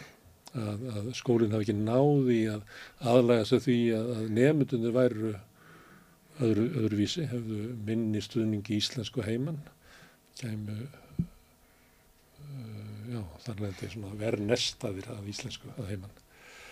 Um, heldur þú, að ég má byrja þér, heldur þú að þetta sé hluti af vandanum? Já, þetta gæti alveg verið hluti af vandanum. Auðvitað, auðvitað þurfum við að bregðast við mm. og íslenskan er flóki tungumál og oft er hún bara alls ekkert lík móðumáli þeirra einstaklinga sem hinga að koma og ég vil samt ekki endilega setja það bara á skólakerfið heldur líka bara almennt á sko félagstjónustuna af því nú á ég til dæmis vini sem að hafa búið út á spáni og þar er það þannig að bara eftir ákveðin tíma þar er bara hóað í fjölskyldun og sagt jájá, þeir eru greinilega ekki nú að duglega að tala spænsku. Mm. barni þarf að ná þess aðeins meira veist, þannig að fóreldrarnir eru líka innvinklaðir inn í það. Um, því það er líka erfitt að vera með nefnendur sem að hafa kannski alist hér upp að megnunni til tala íslensku eru með takmarkan skilning samt mm. og upplifa sem þau búið bara í syngkvöru málsamfélaginu mm. heima og í skólanum. Þannig ég held að þetta sé líka flókið, ekki bara skólinn en auðvitað þar meiri insbyttingu í skólan. Fullorðisfræðsla á íslensku, innflytjandur hafa komið hingað og hvartað stórlega yfir því mm. hvað hún er veik, lítil og svo náttúrulega eins og þið þekkið að hún er bara kvöldin og það er erfitt fyrir fólk sem er í einum og tveimur og þremur vinnum að mm. ætla sinna því má ég að því að þú veist starfandi kennari líka björn? Já. hvernig uh, innflytjandunir Já, ég held að mjög margir kennarar upplifi daldi bjargarleysi sko. Að við, við fáum til okkar fullt af krökkum sem að hérna, koma úr öðru málsænfélagi mis hérna, mikið að lítið talandi á íslensku og, og hérna og við bara erum engir sérfræðingar í, hérna, í að kenna íslensku sem annað tungumál eða aðlögun námsefnis fyrir tvítingt börn eða hérna og það er engir, engir sérfræðingar á því sviði starfandi í skólanum sko. En ef þú byrður um stuðning og svona, verður það þá bara ekki til það? Það er eitthvað til sko og hérna en, en það er alltaf, þú veist, þetta er oft, oft, oft svolítið svona óljósar leiðir sko mm. og hérna og svona marg, marglaga hérna leiðir sem maður þarf að fara, ég þarf að byrja, tala við þennan sem að tala svo við þennan sem tala við þennan og hérna og þá er bara, þú veist, liðinni tveir mánuðir sko hmm. Anna Kristín þannig að Písa dregur aðteglina mörgu og þetta er bara einn þáttur sem við verum að ræða hérna, það er sem sagt geta skólakjörfisins til að taka á móti sérst, bara fjölbreytilegri nefndum. Hvað er það stór hluti af, af vandan og sögur með? Sko Þetta, það skýrir í rauninu bara mjög lítil hluta af því hvað við höfum hrapað langt niður. Mm. og ef við horfum til dæmis á börna ellendum uppruna eh, aðra kynsluð þá halda þau nokkur neði síni, þau hrapa ekki svona niður eins og börn sem eru ekki með neitt ellenda bakgrunn. E, vísu börna sem sagt fyrstu kynsluð sem sagt þau eru fætt ellendis þau hrapa svona eins og hinnir Þannig að en, en þetta skýrir lítinn hluta, mjög mm. lítinn hluta að þessu hrappi. Það er svona meðaltashrappinu, þetta er alvarlegt, alvarlegt mál fyrir þennan hóp. Alvarlegt mál fyrir þennan hóp og þau eru almennt sko að mælast e, neðar heldur en aðri nefnendur. En þó svo við myndum laga þetta, að þá myndi meðaltali ekki lifta svo mikið. Í sjálf sér ekki sko, en það sem að, vísa til það sem það eru að segja hérna, að það kemur svolítið óvart sko hvað svona utanumhald og stuðningu við skólakerfið um þetta málefni er enþá brotakent byggt uh, á hverju einasta sveitafélagi það er mjög lítið ef nokkuð svona landsvísu til þess að byggja upp þekkingu til þess að, að hérna, styðja við skóla búa til skýrferðli til dæmis um móttöku e, flotta barna til dæmis. Þannig að við, við eigum bara talsvert í land þar. Mm. og ég heyrði til dæmis í gær bara sveitafélag eins og hafnafélag sem er nú komið lengri en mörg önnur vegna þess að þau hafa þurft að glíma við þetta mjög lengi eða svona, tekið lengi á móti e, börnum með ellendan bakgrunn.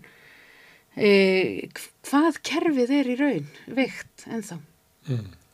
Ég spurði Nikola því hvort það væri kannski verið eðlilegt að því að það verið orðið meiri fjölgun innflytjand á Íslandi heldur, held heldur en bara nokkuð starf annars þetta er hérna og hún sagði já það hefði kannski mátt skilja sér bak við það fyrir mörgum árum sko. mm. það er bara, það komið ó langt til þess að það sé hægt lengur sko. Það er búin að vera, vera mjög lengi að, þó, að, þó að þróun hafi verið hraðari. Það er bara, hún byrjaði að þylja upp sko, hérna, rannsónu sem að síndu sko vandan, veist, og fór bara mjög langt aftur í tímanum, en það er ekki hægt að sjá að séu svörun uh, við því inn í skólakjörnum og hún nefndi bara, það var bara ekki fjármagn.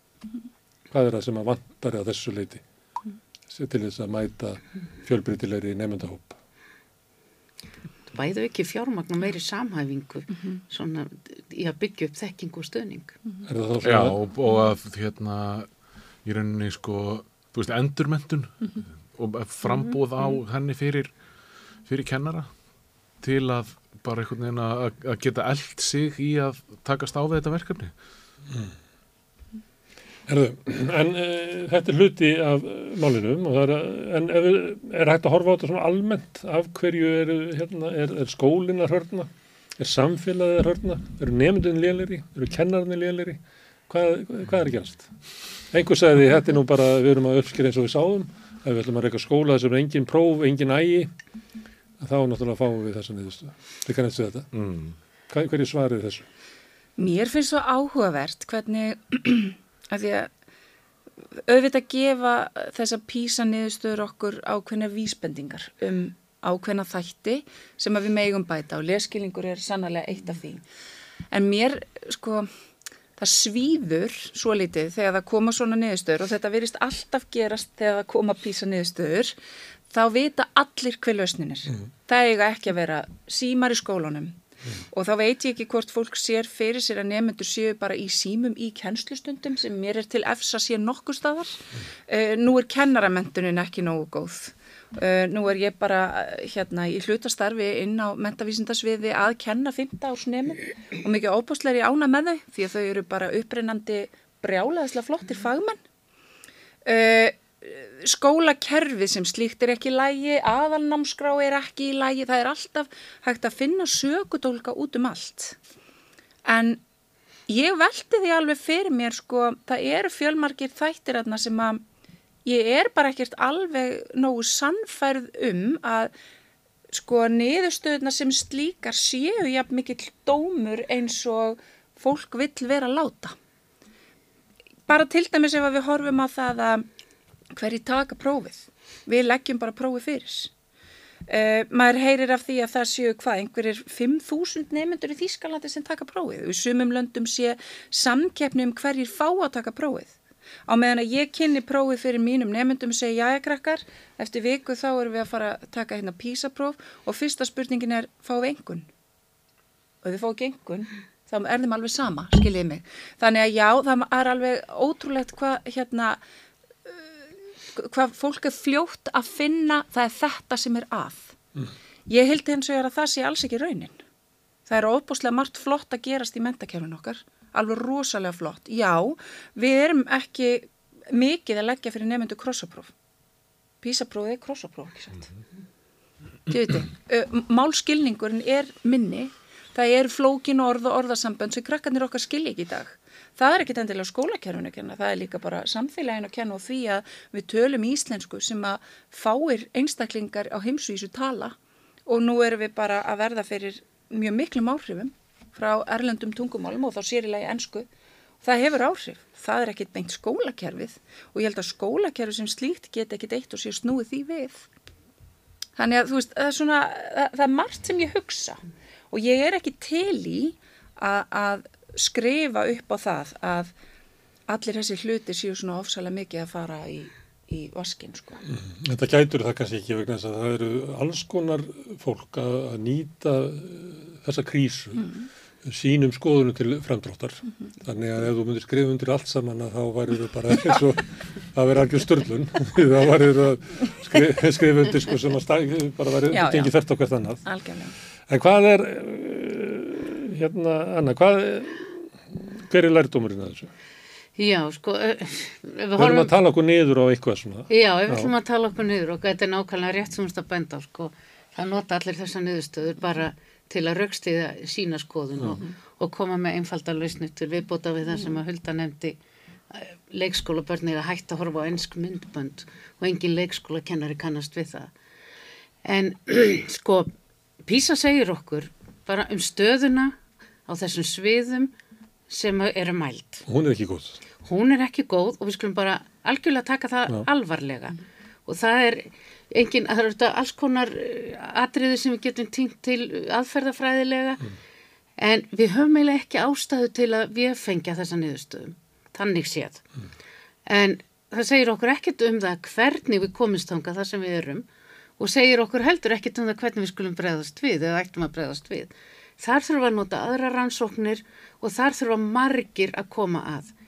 Ég gæti komið hérna og þóst hafa lausnina einu sér, en það hefur engin einn lausnina.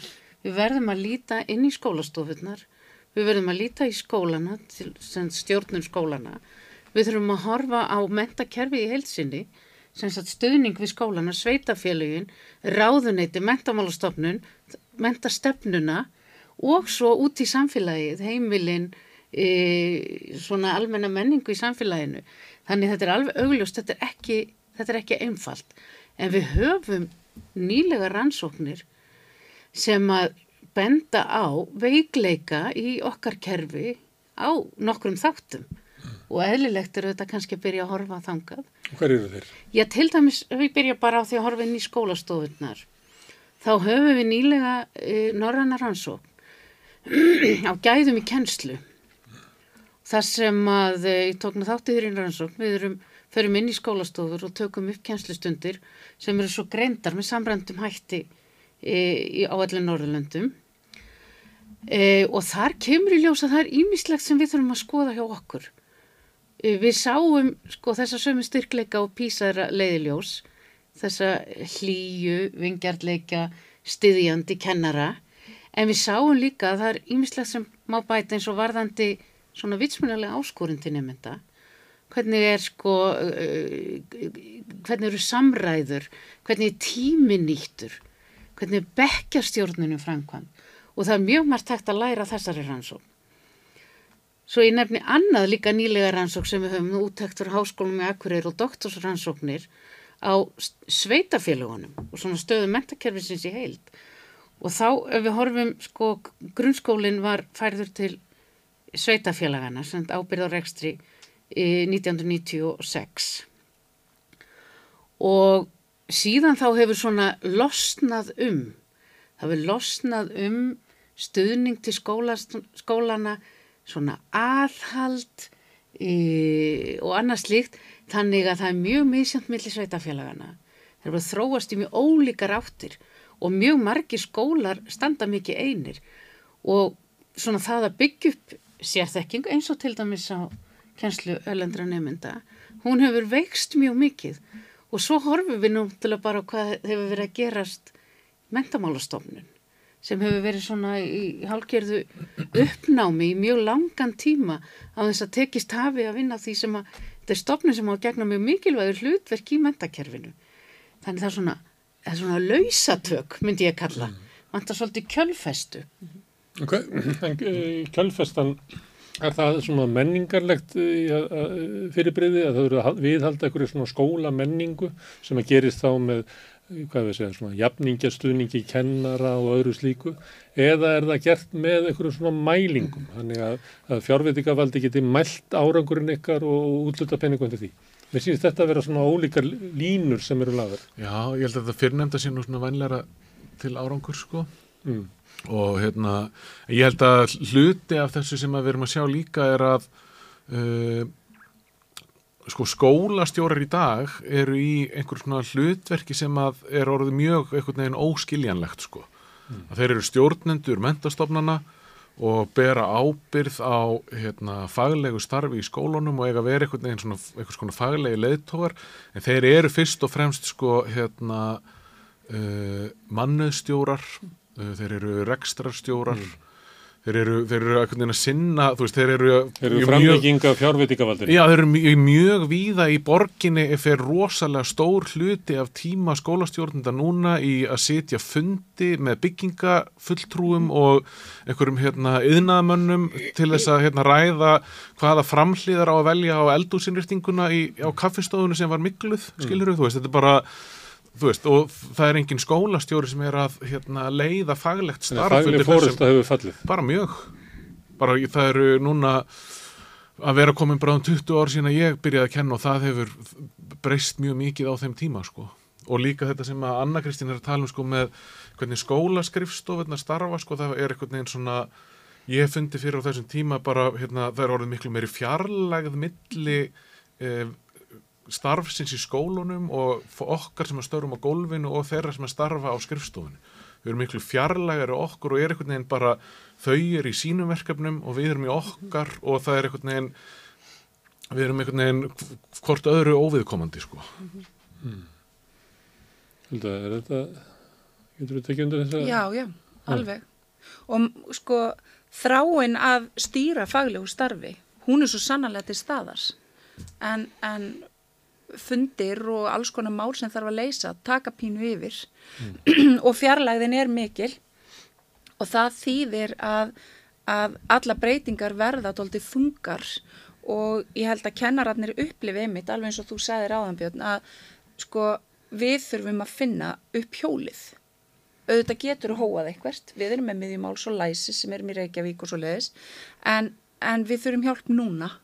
Hvað ég að gera núna og þá þarf skólinn svolítið sjálfur að, að grípa inn í. Þannig að bæði eitthvað svona miðlag miðstuð þar sem að því getur leita til sem að myndi þá líklega deila út svona uh, bestu best practices eins og það er á milli, það, hana skortir. Og svo faglegu hérna fórustuna inn í skólanum þar sem að skólastjórunum er breytt í svona forstjórar eru oft í þessari stöðu, þeir eru með annað fótinn inn í stjórnarherbygginu, það sem er hluthafinnir sem að segja honum að hann vilji ná okkur tiltænum árangri, svo eigar að vera með hinn fótinn inn í sko starfsmannahópnum og eru raunverulega hérna eiginlega bara framlegging á einhverju sem er að gera einhverju kröfur á hópin en eru ekki sko eh, já, svona fórustumenn inn í þeim hópi, heldur eru þeir bara að fara með erindi hjá þeim sem eru í mikill í fjarlæð sem að geta sagt eh, skólastjórunum eða fórstjórunum að gera einmislegt. Við erum að skera niður, við erum að gera þetta og hann hefur sendir inn í hópi með það. Er, er þetta rönglýsing? Nei, kannski ekki, en það sem að mér finnst líka, við má bæta við það sem við vorum að tala um áðan, hvað, hvað þarf að laga að við fáum vísbendingar út úr þessum hérna, niðurstöðum sem við erum með á borðinu fyrir framann okkur núna. Hérna áður fyrir vorum við með samrænt próf og það var alls konar gaggrinni á þau vegna þess að það var verið að prófa. Og við gátum, við sem fólki á gólfinu gátum aldrei fengið að sé, sjá, já, hann Páll hérna, það er þetta sem hann á í erfileikum með, það var bara verið að meta heildina. Ég vona, því að nú er mentamálastofnun og nýja stofnunin sem er verið að sem á að taka við, það er verið að semja ný tæki, ný tól fyrir skólana og einhver ef þeim eiga að vera þannig að kennararnir getast lagt þau fyrir prófin og svo ykkur við þá að geta, vona ég, rýnt í niðurstöðna til þess að sjá hvar skóin kreppir. Þá getur við bæði síðan sem kennarar ok, þetta er ekki alveg náu mikið í lægi hjá öllum mínum krökkum, þá er það eitthvað sem ég þarf að vinna með. Hér erum við með hóp sem, þú veist þannig að niðurstöðuna séu ekki bara til að dæma, heldur séu þær þannig að það sé hægt að vinna með þær og bæta, en ekki þannig að við stöndum bara og segjum, já þetta alveg eins og við erum að gera núna. Þetta er að og það En er... samrönduprófum engin- voru svona. Þau voru nefnilega ekki þannig að við gætum séð. Við, gát, við gátum séð bara, já þessi nefandi fær þetta. Við lemdum í því til dæmis að var nefandi sem að stóð sig alltaf glimrandi vel í öllum verkefnum alltaf og fekk svo sé pluss og við gátum ekki fengið að vita hvers vegna. Og það voru aðri nefendur sem að fengu, sem að var eiginlega næstu því verra að voru ekki að ná að fóta sig í námsefninu en náðu svo einhvern veginn að fá B plus í samræmdu prófi. Og við stóðum og horfðum á og bara vildum vita hvar eru þessi styrkleika sem að við sjáum ekki. En það var ekki hægt. Þannig að ég vil mín ósk er að það séu til tæki sem að við getum notað til þess að að nýta og byggja ofan á og bæta það sem þarf að bæta. Það verði einhvers konar gagsægi mm. auðvitað skilja að það þarf að meta og það þarf að meta og sjá hvar hvar hérna við stöndum sem heild. En til þess að við vitum hvar við stöndum sem heild þá verður við líka að hafa eitthvað til að meta einstaklingana og, og okkar starf. Ég talaði við hann uh, Þorlák Axel Jónsson sem er aðjúnt kennaradeildin í háskólanum fyrir Norðan. Uh, hann uh, kom með eitt punkt að, að íslenski nefndur er bara óvanir að vera í prófum. Prófið er svona langt og þeir bara hafa ekki aðdeglisbann í þetta. Það við þurfum að æfa þá í það að taka próf. Hvað segir þetta? Ég er nú ekki vissum þetta sko. Nei, þá erum við náttúrulega líka aðtöða sko að, hérna, að OECD tekur sér rosalega mikið vald mm -hmm. með þessu fyrirbæri sem PISA er sko að þau einhvern veginn skilgreina að einhver leiti hvað eru gæði mentunar fyrir okkur og hérna og það þarf ekki að vera að við séum endilega öll sammála um það hvað efnahags- og framfarastofnun Evrópu segir að séu, séu gæði í skólastarfi sko. og þessi, þessi gæði munur leiða til sko, bættar samfélags og aukinn hagvakstar og ég veit ekki hvað Já, ja, er, á, þú veist, þetta er hérna, þú veist við vitum hvað OECD er sko, þú veist hérna. Þetta er domkirkja nýfrásíkunar Já, já, þetta er það, þú veist bara þú sagði það, það er þín orð hérna, en, en hérna, en þú veist hérna að, að, að mentakerfi eitthvað séu sníðin að mentastefnu OECD hérna getur alveg verið að hringi einhverjum viðrunabjöldum líka hjá okkur sko mm. En, aðeins að koma inn á þetta sko þú séu domkirkja ný frálsíkjunar nei, nei, ég veit það sko en sko það hefur orðin ákjöfun þróun svona í þessu mentastefnu fræðum e, e, e, kringum síðustu aldamót send, 20 ára tímabil segjum mm. þá er mikið trúað á sagt, þessa nýfrálsíkju mm. og svona markasvæðingu svolítið mentakerfisins og það var alveg í þeim anda sem þetta er ákveðið að að færa ábyrð á rekstri grunnskóluna til sveitafélagana til nýskipan í ríkisrekstri. E, síðan hefur þetta svolítið breyst bæði fræðuminn sem hafa verið að skoða e, mentakerfi víðum heim og meðal annars nýtt þessar písaniðustöður og annað. Þau sé að sko þau mentakerfi sem er að standa sér best þau eru ekki að trúa á þetta sem sagt mælingar sem nýttar eru til að refsa sagt, eða, eða þetta mikla sjálfstæði e, hvers skóla heldur er fókusin komin á sem þessa fagmennsku og faglegu fóristuna og fagmennskuna inn á öllum stígum mentakerfisins mm. og uh, ágættis fræðum að sem er búin að vera hjá okkur í Háskóli Íslands núna Gíta Steiner Kamser, hún segir sko tími nýfjálfsíkunar í mentakerfinum hann er liðin og ég hlusta á viðtal við Andri Slækir sem er semst yfirmaður mentadeildar og að setja mm. í kjölfar písa niðurstana núna.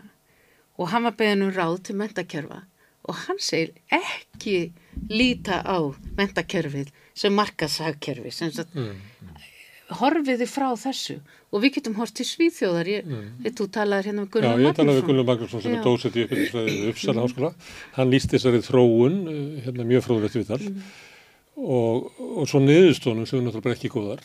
Og, og, og hann, það sem var líka fróðlegt við að, að þegar að skólakerfið komið svona lánt þá virðist þeirlega að vera engi leið tilbaka, hann var eiginlega að tala um að sko, stjórnmálinn hefði enga möguleika til að bakka út úr þessu, þó svo að sko hérna vankantanir og erfileikanir séu allir komnið fram. Þá er, bara, þá er engin að leggja það til að sé hægt að fara tilbaka þannig að þeir eru að sitja um með sitt. En það sem að mér fannst aðrið þegar hann var að lýsa sko þróuninni að ég myndi segja að við varum komið svona 33% inn í leið síðana við erum ekki komnir eins langt um við, við höfum tækið fyrir til já, en sko en ef við hlustið á þetta sem stjórnmálfólk segir að það er eiginlega allt kvati til þess að fara leið svíðana sko. ég heyr ekki betur við, en við sjáum líka sko að sem er náttúrulega svolítið fyrir séð að þessar hérna niðurstöðu písa eru nýttar til þess að, þú veist, banka aðeins fastar á þessar dyr, sko. Já. Við sjáum núna greinar þar sem að er verið að segja við verðum að hérna, hleypa mentatækni fyrirtækjum inn í hérna, mentakerfið og þú veist, það, alls það er það sem er verið að útluta úr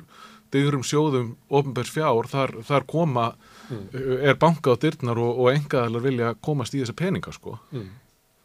Og alltaf bæði það að enga væða en líka svona markasvæða, þannig að að sko trúin er svo að til þess að búa til gott skólakerfi þá verðum við að hleypa að ykkur svona markaði, ykkur í samkennum millir skóla og, og reka metakerfið eins og markas uh, hagkerfið eða eitthvað að þá munum við fá við besta skólakerfi. Ég held að það sé ekki tilvílinu við sem að fá núna þessa dagana hérna sponsort posta á Facebook hjá okkur hérna frá samtökum atvinnulísis um hérna eitthvað lestrar forrit, mm -hmm.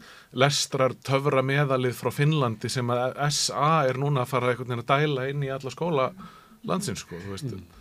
Þetta er eitthvað tilvílinir í þessu sko. Mm. Þetta er raunverulega átök um metakerfið. Þetta er raunverulega átök um þetta. Það er samt ekki eins að því að ég maður nú svo langt aftur sko, að þetta voru miklu harðar átök bara á fyrsta áratug þessar aldar mm.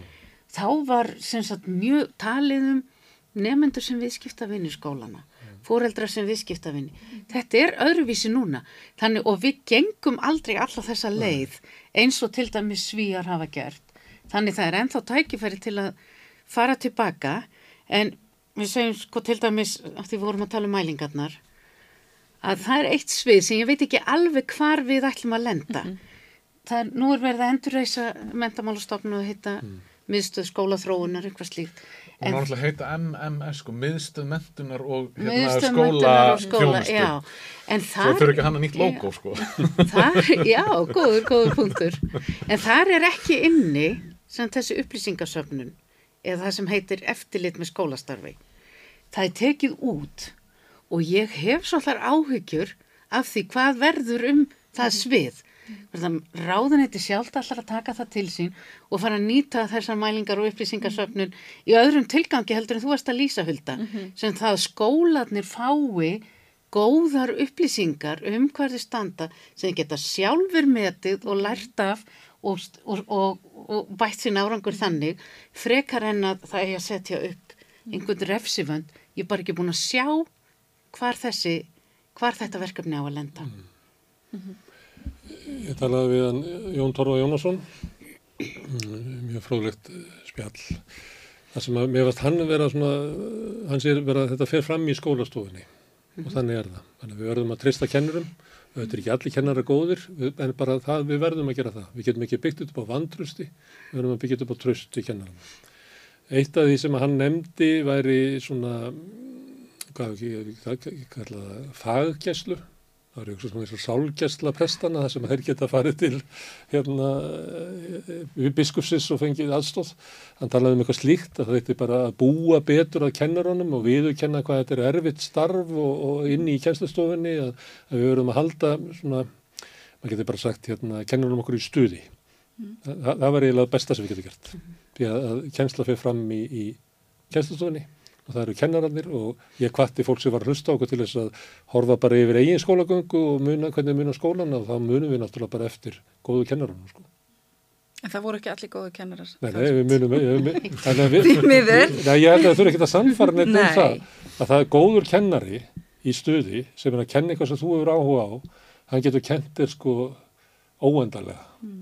á meðan að sko kennari í kulnun tróða í eitthvað sem þú hefur ekki áhuga á það bara virkar ekki sko. Nei og til þess þá þarf líka einmitt sko góður kennari sem að kenni nefnendum og nær að glæða áhugan hjá þeim. Það er vegna þess að hann hefur líka einhvern áhuga á viðfangsefninu. Og ég held sko kennarar eru mjög störfum hlaðnir það er ofsalega mikið og það eru margir fundir, það er alls konar listar sem þarf að fylla út, það er verið að reyna að fylgja þessum og þessum eftir við erum með stefnun og skóla, skóli fyrir alla, þannig við erum með alls konar nefendur í skólanum, mm. ekki bara nefendur sem eru af, eða börn sem eru af Erlendubergibrotin, líka börn sem eru bara eiga við alls konar greiningar og, og þætti sem valda þeim erfileikum og það fer ofsalega mikil tími í þetta það væri svo innilega frábært ef að það væri meiri tími í mm. þessa faglegu vinnu. En hverjum ert að svara þá, ef þú ert inn í kjænstustofinni með nefndunum og svo þarfst að fara og ganga frá okkur skýstum, við hvernig ert að tala þar? Er það okkur sem er að krefja þum upplýsingar um hvernig þetta gengur og hitt gengur, er það okkur sem er að reyna að stýra því sem fer fram í kjænstustofinni?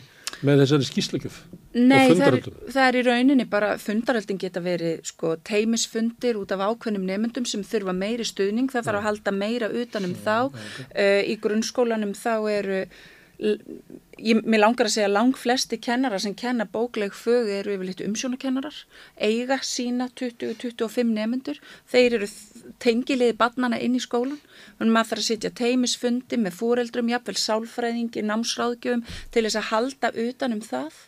Uh, og öll þau mál, þannig að sko úrvinnsla hverjar kennslustundar, undibúningur hverjar kennslustundar og svo þetta fylla út alls konar lista sem tengist því að þessi og þessi eru í greiningarferli til að reyna að kortleggja hvað er að. Veist, þessi tími er rosalega fljótur að fara, jafnvel þótt kennarar eigi að vinna 43 klukkstundir á viku. Þannig að það er líka skortur á tíma til þess að fara í og sinna þessari faglegu taug mm. og, og það, það væri líka svo gott ef að það væri því þá fengi kennararnir líka ennþá meira frelsi til þess að uh, í rauninni sækja fram og verða enn betri kennarar úti á gólfinu. Uh, þannig að En er þetta ekki að þjálfa eina faglugu taug með þessum teimisfundum? Jú, jú, og, en þá er það líka pingustundum svolítið krísustjórnum sko.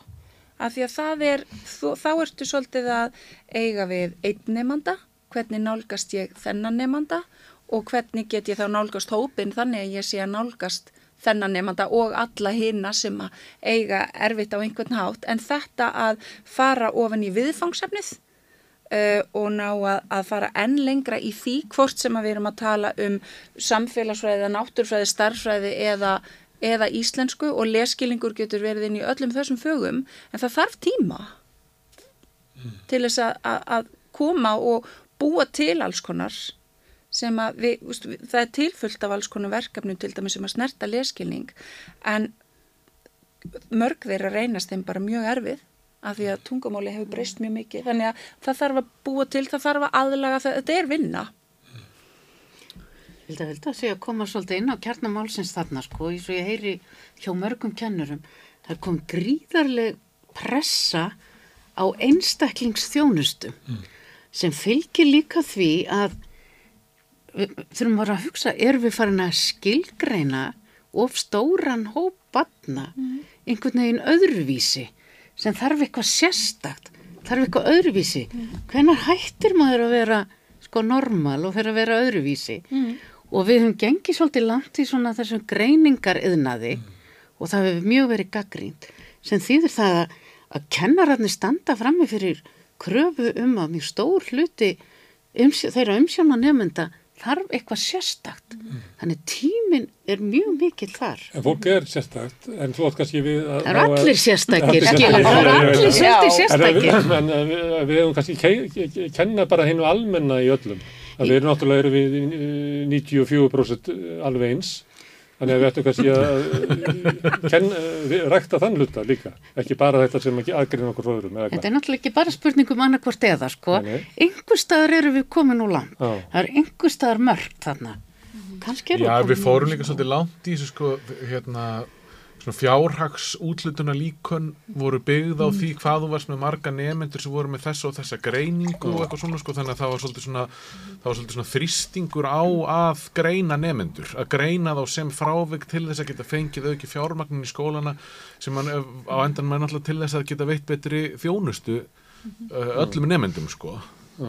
En þarna kom einhver svona einhver kvati til þess að greina börn mm. sem frávik sko. og það er svona, þú veist, betur fyrir nýju, nýju fjárullunar líka hann í borgarinnar hefur verið aðeins horfið frá þessu sko. Mm. og það verður marklust að þegar það eru hérna, 70% nefndunum eru með, með helminga nefndur sem eru með greiningu, þá er með greiningi já, þá bara, þá erst ekki að veita öllum einstaklingsþjónustu sko. mm.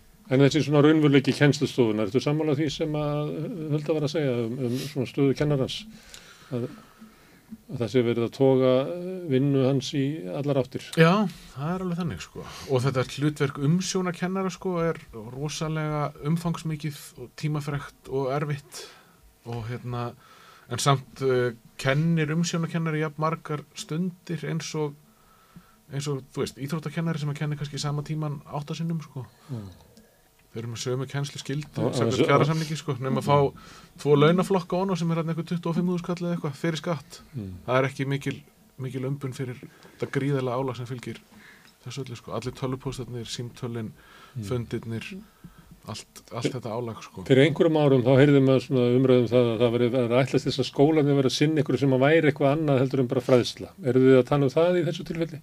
Að, að, að það eru börn með alls konar greiningar og eitthvað fleira en kannski þó svo að þú sétt öðruvís að þessu leiti þá er það bara ekki verkefni skólans að, að, að fástu það. Jú, ég held að þessi Nei. verkefni skólans. Mhm. Ég held að skólinn er einhvern veginn svona miðstöðin utan um barnið. Það er þar sem að flest börn eða meiri tíma í skólanum heldur en heima hjá sér. Mm. Og auðvitað á það svona, svona kjarnin að, að velferð barsins á einhvern veginn að, að vera þar. Ásand heimilinu að sjálfsögðu sko, en, en ekki eitthvað svona einhverju þjónustu miðstöð hérna þar sem þú þurft að taka tvo strætó til að komast eða hérna eitthvað slíkt sko, hérna, þetta á að vera í skólanum og þar er, þar er, er fólki sem þekkir barnið best og, og er best til þess fallið að veita barninu þá þjónustu sem að það á skilið. Mér finnst það megin uh, þátturinn í viðtalinu mínu við hann, hann Jón Torfa var að, að við getum ekki gert annað en að byggja upp sko, skólakerfi sem svona menningu og kultúr og byggja það upp svona sem humanist fyrirbyrði og við getum ekki tekið yfir svona þessar mælingar vinnulausu og rekja það eins og þessi fyrirtæki. Er þetta eitthvað sem að ljómar skinsamt að þetta sé kannski verið að þröngva upp á stopnunina að hún hérna, einhver stjórnunartekni sem að kannski virkar fyrir dósafismöðuna en skólu, mentun sé bara þess eðlis að þetta ábar ekki derinda okkar. Jú, svona mælingar mæla alltaf bara ákveðna þætt og skólastarf eru bara, þú veist, bara ó, þú veist, ótrúlega margir þræðir sem að koma saman og er bara gríðarlega bara svona flókið organist samspil alls konar þáttar sko sem að sem að Mælingi getur einfald að við sæjum bara eitthvað mótel af metakerfi og við myndum vera, vera að ebla það en við sæjum raunverulega ekki það sem að þarf raunverulega að fara fram á það. Ég veit það ekki, hérna, ég menna ef við sjáum bara, þú veist, uh, skoðum eins og mælingu eins og PISA sem að mælir til dæmis eistneska skólakerfið gríðarlega hátt, sko. Ég, hérna, var að heyrið frá félag mínu sem á, hérna, eistneska tengdafjölskyldu og er giftur eistneskri konu og, hérna, og hann sagði ég myndi alla daga frekar velja íslenska skólakerfi fyrir börnin mín heldur en það eistneska. Af því að í íslenska skólakerfinu líður börnum vel. Og þau, í samkvæmt þessari mælingu þá sjáum við að íslensku börnum líður betur í skólanum heldur en viðast hver annars þar og þau upplifa öryggi og þau upplifa að kennarar uh, þeim sé andum velferð sína og velíðan og, hérna, og ég held að það sé eitthvað sem hefur ekki fengið að hljóma nógu hátt í þessari umræðallir því að við viljum alltaf bara hérna, harmsögunar sko. Og þá má ekki gleyma því heldur að ef að nefnda líður ekki vel þá fer ekkert nám fram. Það er forsenda þess að eitthvað nám eigi sér stað að barninu líði vel. En af því að þú varst að tala áðan um þetta, þetta væri eins og dósaversmiða, þá megum við ekki gleyma því að við getum alveg horta á eitthvað mótel. En eins og við segjum svo oft í skólanum hjá mér, við erum lifandi stopnun. Við erum ekki með dósir. Við erum bara með ólíka nefnendur, ólíkar fjölskyldur, ólíkar samsetningu í hverfi og alls konar þætti sem að breytast jafnvel bara á milli vikna. Þannig að við getum verið með eitthvað mótel en ég held að skóli þurfi samt alltaf að vera með frelsi til að dansa aðeins og finna jafnvægið og það sem er jafnvægi í dag það verður kannski ekki jafnvægi á næsta ári af því það þarf að endur skoða eitthvað. Sko, skólakerfið á Íslandi er mörguleiti gott. Eh, Jón Torfi sagði að það veri gott. og þá er það gott Já. og ætlaði ekki að láta draga sig í eitthvað neyra á hana písalevel til þess að ræða það. Það hins vegar er, eins og þeirriðu umræðinni, það er ekki sko þjóðasátt um það. Frekar er þjóðasáttur um það að skólakerfið sé bara ekki gott. Hvað, hvað er þetta á þessu? Já, sko, þetta er náttúrulega spurning sko hverju tala hæst og, og hverju á að hlusta á hvert sinn. E, mér finnst ég greina í umræðinu núna svolítið annan tón heldur en síðast þegar písaniðurstöðu voru byrtar. E, og sko það er miklu meiri samhljómur núna. Það eru miklu fleiri svona mikilvægi póstar sem komað umræðinu eins og kennarasambandið, heimil og skóli, mentavist, sem þetta háskólanir og, og sem þetta koma fleiri saman og þeir sem að hafa tjá sig, allir þessir aðilar, var líst yfir mjög miklum vilja til samráðs og samstarfin lausnina. En svo eru alltaf þeir sem geta ge orðið hávarastir í fjölmiðlum sem koma með hörmungarsögurnar Eða og- einfalda lausnir. Eða einfalda lausnir. Það er það sem fólk vil heyra. En svo hljóðnar þessi umræða eftir kannski eina viku og þá er það ábyrð kerfisins. Þessar faglegu fóristu í kerfinu að halda umræðinu gangandi á faglegum forsendum. Og ég veit til dæmis bara núna skólastjórnendur í grunnskólum er að taka mjög alvarlega bæði þessa niðurstöðu núna og þessa niðurstöður úr rannsóknum sem ég sagði frá áðan um kennsluhætti og eru virkilega samt að reyna að ebla sína kennslufræðilega fóristu. Og af því þú talar um sko fórista í dósavextmiðum svona, það var mjög ákveðin krafa um það hérna á fyrsta áratug þessar aldar. Við þurfum ekki faglærða grunnskólastjórnendur. Þeir þurfum bara að vera lærðir í stjórnun og góðir í viðskiptafræðum og síðan geta kennararnir séð um hitt. Það er ekki þannig og við erum búin að vita það í 40 ár meira að það er betra að vera góður kennar í einum skóla heldur en öðrum. Og það er út af þessu samfélagi, það er út af menningunni sem að verður í hverjum skóla sem að, sem að þau eru að lýsa hér. Þú ert að segja að það sé ekki snjált að sitja atvinnustjórnanda yfir skólana. Það er bara arfa vittlust og sem betur fer eru nú flestir hættir að tala um það núna sem betur fer allavega hér á landi En það mætti kannski fá skrifstofstjóra við liðina sér svo hann sé ekki bara alltaf á fundum. já, já, já, já, já, já, já. Ég held að við þurfum bara hérna, fleiri hausa inn í hvert skóla sko. Þú veist, að, að það sé ekki einn skólastjóri sem að beri alla þessa hatta sko. Að það sé geti Það einhver bara... sé svo flókin að það sé ekki... Já, ég held að þú getur ekki verið faglegur leðtói inn í skóla og verið líka hérna að yfirfara vinnustund og stimpilklukku og skilin launátrekningum og hérna og fara yfir bókaldið og, og hérna Eldhúsrýtingar. Eld, já, og sitja fundi með bygginganemdini og allt, allt þetta sem að, sem að skóla og, og síðan að svara tölvupóstum frá hérna vonsviknum foreldrum og hérna og vonsviknum kennurum og hérna og taka nefendur inn á Þú á ert ekki að sækja um að vera golftíðinni. skólastjóri? Nei, ég ætla ekki að gera það Nei, og svo fyrir utan það og síðan eru launin fyrir þetta alveg hræðileg sko. Var þetta, þetta, það skiptir máli í svona samfélagi, þannig ekki svona litlu samfélagi eins og við erum með, við ættum ekki að gert það, haft svona þokkarlega sátt í samfélaginu um skólan okkar. Það lítur að vera, það er hluta markmiðinu, að búa til góðan skóla og, og við höfum svona samíla hugmynd um það. Mér fannst það var pallborð á vísi, ég held að sé á förstudugum eða fymtudugum, ég veit ekki. Þar voru þrýr fyrirverandi meldmaráður sem hefur markað línuna. Mér fannst það alveg kostuleg samtal því að þau töluð um eins og skólakerfi væri svona eitthvað óþekkur og þau hefðu alltaf verið að reyna að laga þetta. Samt vissi að sömur af þessum metamáráður hefur komið með sko bara innleitt hérna stefnu sem hafi bara verið til skada. En það er svona hugmyndum að, að þið séu hérna, þið er að eða peningum 200 miljardum sagði einhverjum daginn í hérna, einhverju þætti. Og, og svo skiljið þið bara eh, hérna, krokkunum sem að læra ekki neitt og það sé eiginlega að þið séu vandamálið. Já, ég myndi nú halda að þessi mentamálar myndi nú berja sér á brjóst ef að ef að niðurstöður og písa verður góðar sko.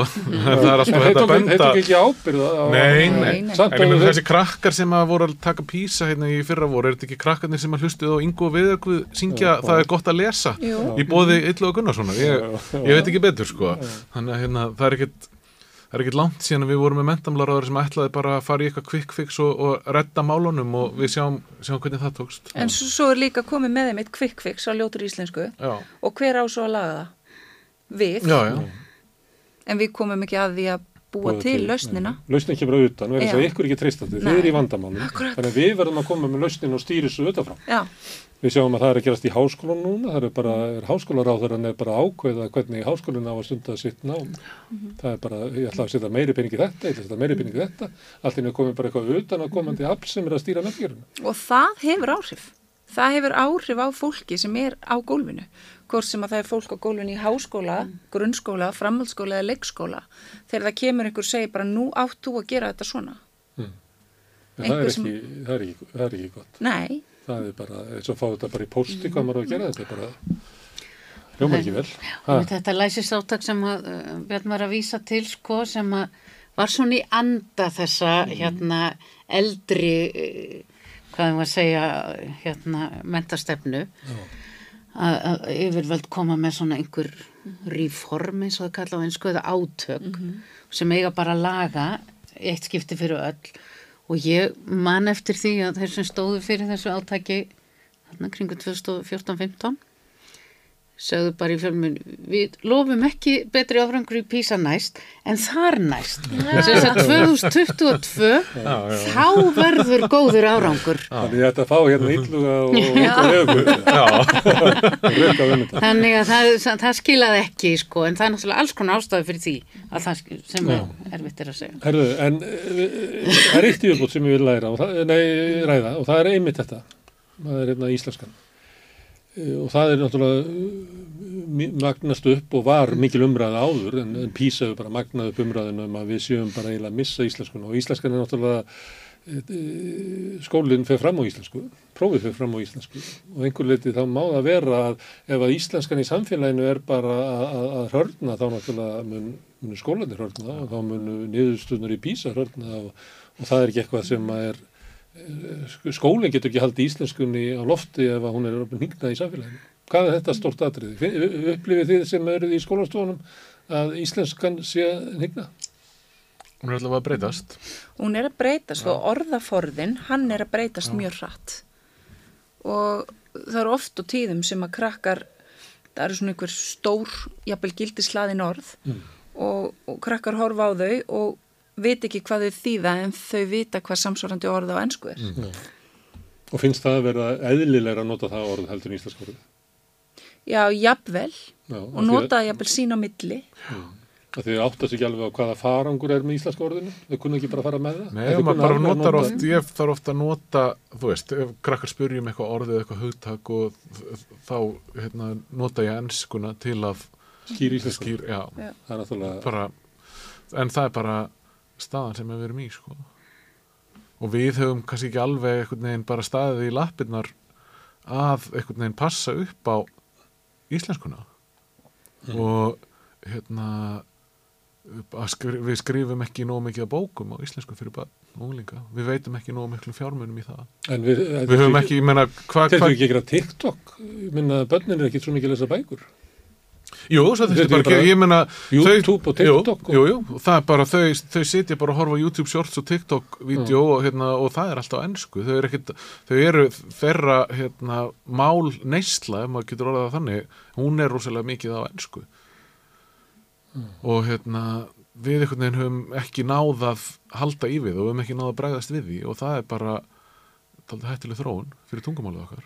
Og ég held að þessar niðurstöðu sem við erum að sjá í, í PISA séu hérna, það er bara byrtingamind af þessu. Og það að hérna, við sjáum líka í niðurstöður í PISA um uh, að núna er sko stjætt farin að skipta meira máli í hérna, því hvernig þú nemur sko, eða þú veist, niðurstöðum þínum úr, úr námi, ég held að það sé líka bara byrtingamind af aukinni misskiptingu í, og aukinni stjættaskiptingu í samfélagin okkar.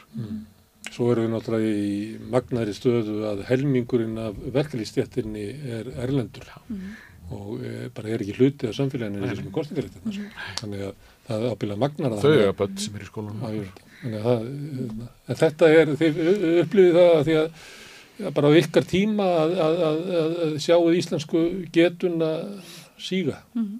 Já, já. En svo má ekki En- gleyma því heldur fyrir gefið Já. Að það er ekki bara þessi stjættaskipting því að svo eru bara, sko hún byrtist líka annar staðar því að krakkarnir sem sitja hjá okkur, þau eiga kannski foreldra sem eru við stjórn í fyrirtækjum sem kjósa að nefna fyrirtæki sitt ennsku nafni og skrifa alls konar kynningarefni sem er fyrst og fremst á ennsku. Þannig að þetta er ekki bara í aðra áttina, sko, þetta er líka í hina og það er ekkit eitthvað endilega sem skólardagsins í dag geta breytt. Og engin leiðið að skólanir haldi upp íslenskunni. Ekki einir. ekki Nei. sér, nei En við sjáum satt líka bara í námsefni í dag, sko. Þú veist að ég var, hérna, var að skoða námsefni í náttúrufræði frá, hérna, mentamálastofnun og þú sem er svona kjarnaefni sem er kent í unlingadeildum í dag, það er skrifað árið 2006 og frá árinu 2006 hafa bara orðið rosalega mikla breytingar á því hvernig hérna, efni og þekkingu og hugmyndum er miðlað uh, og mjög margir kennarar í dag nota alls konar efni til dæmis á YouTube sem er náttúrulega bara hafsjór af alls konar frábæru efni. En það er alltaf ennsku við eigum þetta efni ekki til á íslensku. Dóttir mín skrifa rítgerðir upp og svona dóttir, já, ekki upp úr kjensluefni. Það er bara þannig. Já, ég held að þurfa að líti mjög margar áttir út frá tungumálinu sko. Þetta, sko, inn á heimilin náttúrulega, að við sem að, eigum að tala við börnin hvort sem við erum foreldrar eða am og afi. Ég sagði nú einhver stað frá því að eitt kollegi minn, hann ætlaði að skrifa afafélaginu bref og segja þeim að leggja frá sér síman og fara að tala við börnin eða fara með á bókasafnið. Og hætti að horfa á helvítið svenska boltan. Já, hætti að horfa en það bara þarf að sinna þessu, við þurfum öll svolítið að vanda okkur betur. Og svo tengist þetta líka námskráni bara e, hlutfall til dæmis, ég veit ekki hvort að kollega mínu sem er í íslensku máli er þau sammála mér, milli málfræði og þess að vinna með bókmentir og texta. Send eitt af því sem er komið staði í þessari samnárannu rannsókn er að við erum með bara miklu færri tíma í bókmentakenslu og miklu meiri áherslu á málfræði heldur en í öðrum löndum eða Norrlöndunum og við sáum líka sko dýftin í því hvernig unnið er með texta inn í skólastofunni.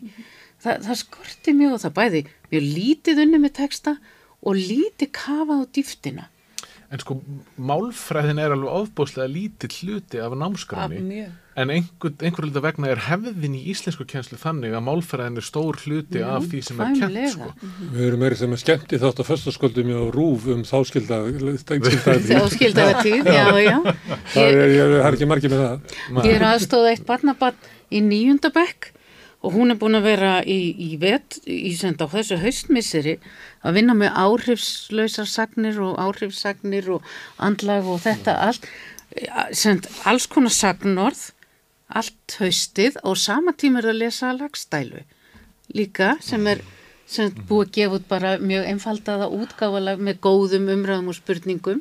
En hlutfalli er þetta bara hrópandi sem krakkar sem skilja kannski vantar fymta hvert orði að skilja textanum. En, en, en bast, ba- baslast svo í, í þessu, í málfræðinni og sko. íslenska ánáttúrulega vera byggð upp á lestri bókmenta og ritun sko. ég, veit ekki, ég veit ekki Sko, hvað bara- hefur orðið til þess að Nei, ég- við höfum lent þarna En þá þurfum við líka, alveg eins og þú sagðir á þann, það þarf að skrifa. Að það þarf að skrifa fyrir börn og það þarf að skrifa fyrir úlinga. Því mörg ár hefur það verið þannig, ef maður flettir í gegnum Íslands bókatíðindi, að það bara vantar stórlega bækur sem að tengjast áhuga sviði úlinga og ungmenna. Sá flokkur er bara mjög lítill. Og hérna ef þið farið upp í hillu bókasöfnana ég efast um að það sé hérna búið að taka niður bækur sem að ég var að lesa þegar ég var úlingur sko. Af því að þær eru bara auðvitað á ekki að taka niður. En þið vitið, maður er að leita að bókum það er einhver sem hefur áhuga á einhverju og maður fer með þeim inn á bókasöfni til þess að reyna að hjálpa þeim því þau þurfa hjálp og, og Og Bækurnar sem- hvað, hvað myndum að, ég, nú langar mig að sletta sko, Já. ég, vantar orðið yfir hérna svona young adult sko, ekki unglingar heldur, þú Nei, veist, ung, ungmenni, já, já. vantar svona, þú veist, svona brúna milli unglinga, svona barn og unglingabókmenta og Mhm. svo fullorðsbókmenta, og vantar eitthvað svona þannig að, þú veist, við erum alveg bara með eiginlega algjör tómarum á milli, sko, Já, það sem að, þú veist, það sem eru, sem að gera kröfur til þeirra sem lesenda, gera Mhm. tilfinningalega kröfur til þeirra og hérna, einhvern veginn svona kveikir í þeim, einhverja, einhverja líðan og samkend og hérna og þarna er bara ekki um auðan garða gresja sko. og sko tengist þeirra veruleika. Já, það er ekki veruleiki þeirra að lesa um einhvern sem að fer og ringir einhvern í tíkalla síma ég las svo flott í gerð sko, bókmentir eru, eru flughermir hugans já, En þetta er merkið þess að, að samfélagið sér ekki þennan hóp. nei. Þetta er ekki bara það að að það sé einhverju sem að þurfa að finna einhverju sem að skrifa þetta. Heldur er þetta oft þannig að bara við sjáum ekki hópin eða skiljum ekki sérþarfir hans eða Nei, nei. greinum hann ekki. Við lítum á hans að gallaða fullorna eða eða, of gömul börn eða eitthvað en við setjum það ekki hann inn á milli. en þau upplifa sér sér líka þar þau úlingar Eru gall, gall, gallu fullorna. já, þau eru ekki orðin fullorðin, þau mega ekki allt sem fullorðin mega, þau eru samt ekki börn og meg, eiga að gera fleira en það sem börn, þannig að sko þroskalega séð þá eru úlingar þar. Og við er erum ekkert að gera Það er til alltaf að verið að segja það líka hvað þessi ómög Já, bara þau eru of mikið í símanum of mikið í tölvinu og þau eru að gera nei, hitt og þá já, Já, bara sérstaklega strákarnir. Já, já, Strákarnir er gladaðir. já, já alveg vonlega sko. Þetta er afleitt orðræða. Já, afleitt Já. orðræða. ofsa von Sem Það var- hefur svona að verið- sumilegt er það að tala um svona eh, samfélag sem að veitir af svona bara einhverju vakningu. Mm. Því að til dæmis það að ef að krakkarnir eru mikið í ennskum heimi inn í úlingarbygginu, ef þeir koma fram og eiga samtala á íslensku við kvöldverðaborðið í góðan tíma, að þá kæmi það ekki að sög. Í staðin fyrir að segja við að þú ert ekki að vera í ennskum heimi inn í úlingarbygginu, að þá á ég að bjóða mig upp á uh, vitrænar umræður á íslensku. Það ekki. Það er frekar heldur að segja ekki gera þetta, að bjóða upp á eitthvað annað. já, já. En svo náttúrulega kemur það er tími yfir besta lífi forvörnin sko, það er að bæta í það sem vantar fekar heldur en að taka það sem er óæskilandi burt En svo kemur náttúrulega tími í lífi margrúlinga það er nenni ekki að tala um fórhundar sinna. þá, þá er rosa gott að fara í bíltúr. Ég nota bíltúrin mjög mikið. Þar er ekki internettenging þetta er sko- Það er svo líka bílir ágættur, það er ekki hægt að rífast í bíl. Það er er ekki pláss fyrir almennilegt samtal. En það er þetta með, með bækur og vanti bækur fyrir þennan aldursóp. Þetta er þetta þessi markaslögmál sem er svolítið að ráða þessu. Að þetta á að standa undir sér. Og þegar fáir kaupa og markaðurinn lítill, þá er þetta ekki gert. Og það sami er þetta með námsefnið sem að var nú gert sko fyrir nokkrum árum.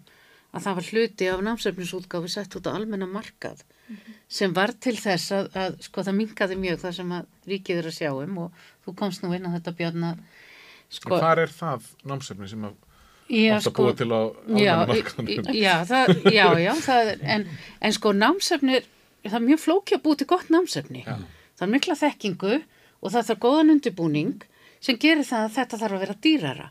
Og þegar við erum svona lítið markað samfélag, fáir sem kaupa, tala nú ekki um þegar við erum fann að tala um einhverja svona minni hluta eða sérstaka hópa, þá bara borgar þetta sig ekki. Og þessi mýta um að það sé eigi að bæta svo mikið að setja þessa námsefnis útgáf út á markað, hún er bara svolítið hættuleg fyrir okkar litla samfélag. Það er þvert á móti þarf að borga daldið mikið bæði með bókaútgáfi fyrir börn og úlinga og námsefnisútgáfi. Herðu, við ætlum áfram að ræða hérna skólamálinn hérna við rauðaborðið út í samfélaginu, munum halda það áfram í næstu viku. En ég þakka ykkur kjallaði fyrir að koma hingað á, á sunnundegi, Hulda Dögg, Anna Kristín og Björn. Takk fyrir. Þetta er lokin á þættinum Sinir Eils hérna á sunnundegi. Uh, Sinir Eils verða hérna næstu helgi og svo fyrir við jólafrí en ætlum að halda eitthvað stóran mikinn áramöndaþátt þegar að fyrir að líða að, að áramöndunum. En ég þakka öllum gestur sem hafa komið hingað í kvöld og ykkur sem hafi verið að hlusta, hvet ykkur til þess að hjálpa okkur við að byggja samstöðuna með því að læka efnið okkar og dreifa því á samfélagsmiðlum þar sem ykkur líkar vel við. Eh, Við erum á Facebook og YouTube, við erum í öllum hlaðvarsveitum, við erum í útvarpinu 89,1 og á spilaranum, þar getur við hlustað á útasendingarnar okkar og svo erum við á leiðinni í sjóarp, gengur svolítið hægt en það mun takast, líklega í vikunni sem er að byrja núna. Uh, Þið sem vilja hjálpa okkur við að byggja upp samstöðuna getur gert það með að gerast áskrifundur. Þið farið þá inn á samstöðun.is og ítum hnapp sem ástendur áskrift. Þá getið þið skráð ykkur fyrir áskrift sem er aðeins 2000 krónur sem er hlægilega lítið, ef mér sagt, fyrir allt efni sem við búum til. Þið sem að vilji getið borga meira og þið sem er kjósið getið látið áskriftina renna sem félagsgjöldin í alþjóðfélagið og það er alþjóðfélagið sem á og rekur samstöðuna sem er þarlegandi í eigu uh, áhörvenda, áheyrenda og lista. En takk fyrir í kvöld og njótið þess sem eftir er af helginni. Húsnæðiskostnaður tekur meira en helming af ráðstöðuna tekjum verkafólks í eblingu. Hvernig er þetta réttlæta það? Ebling stjættafélag.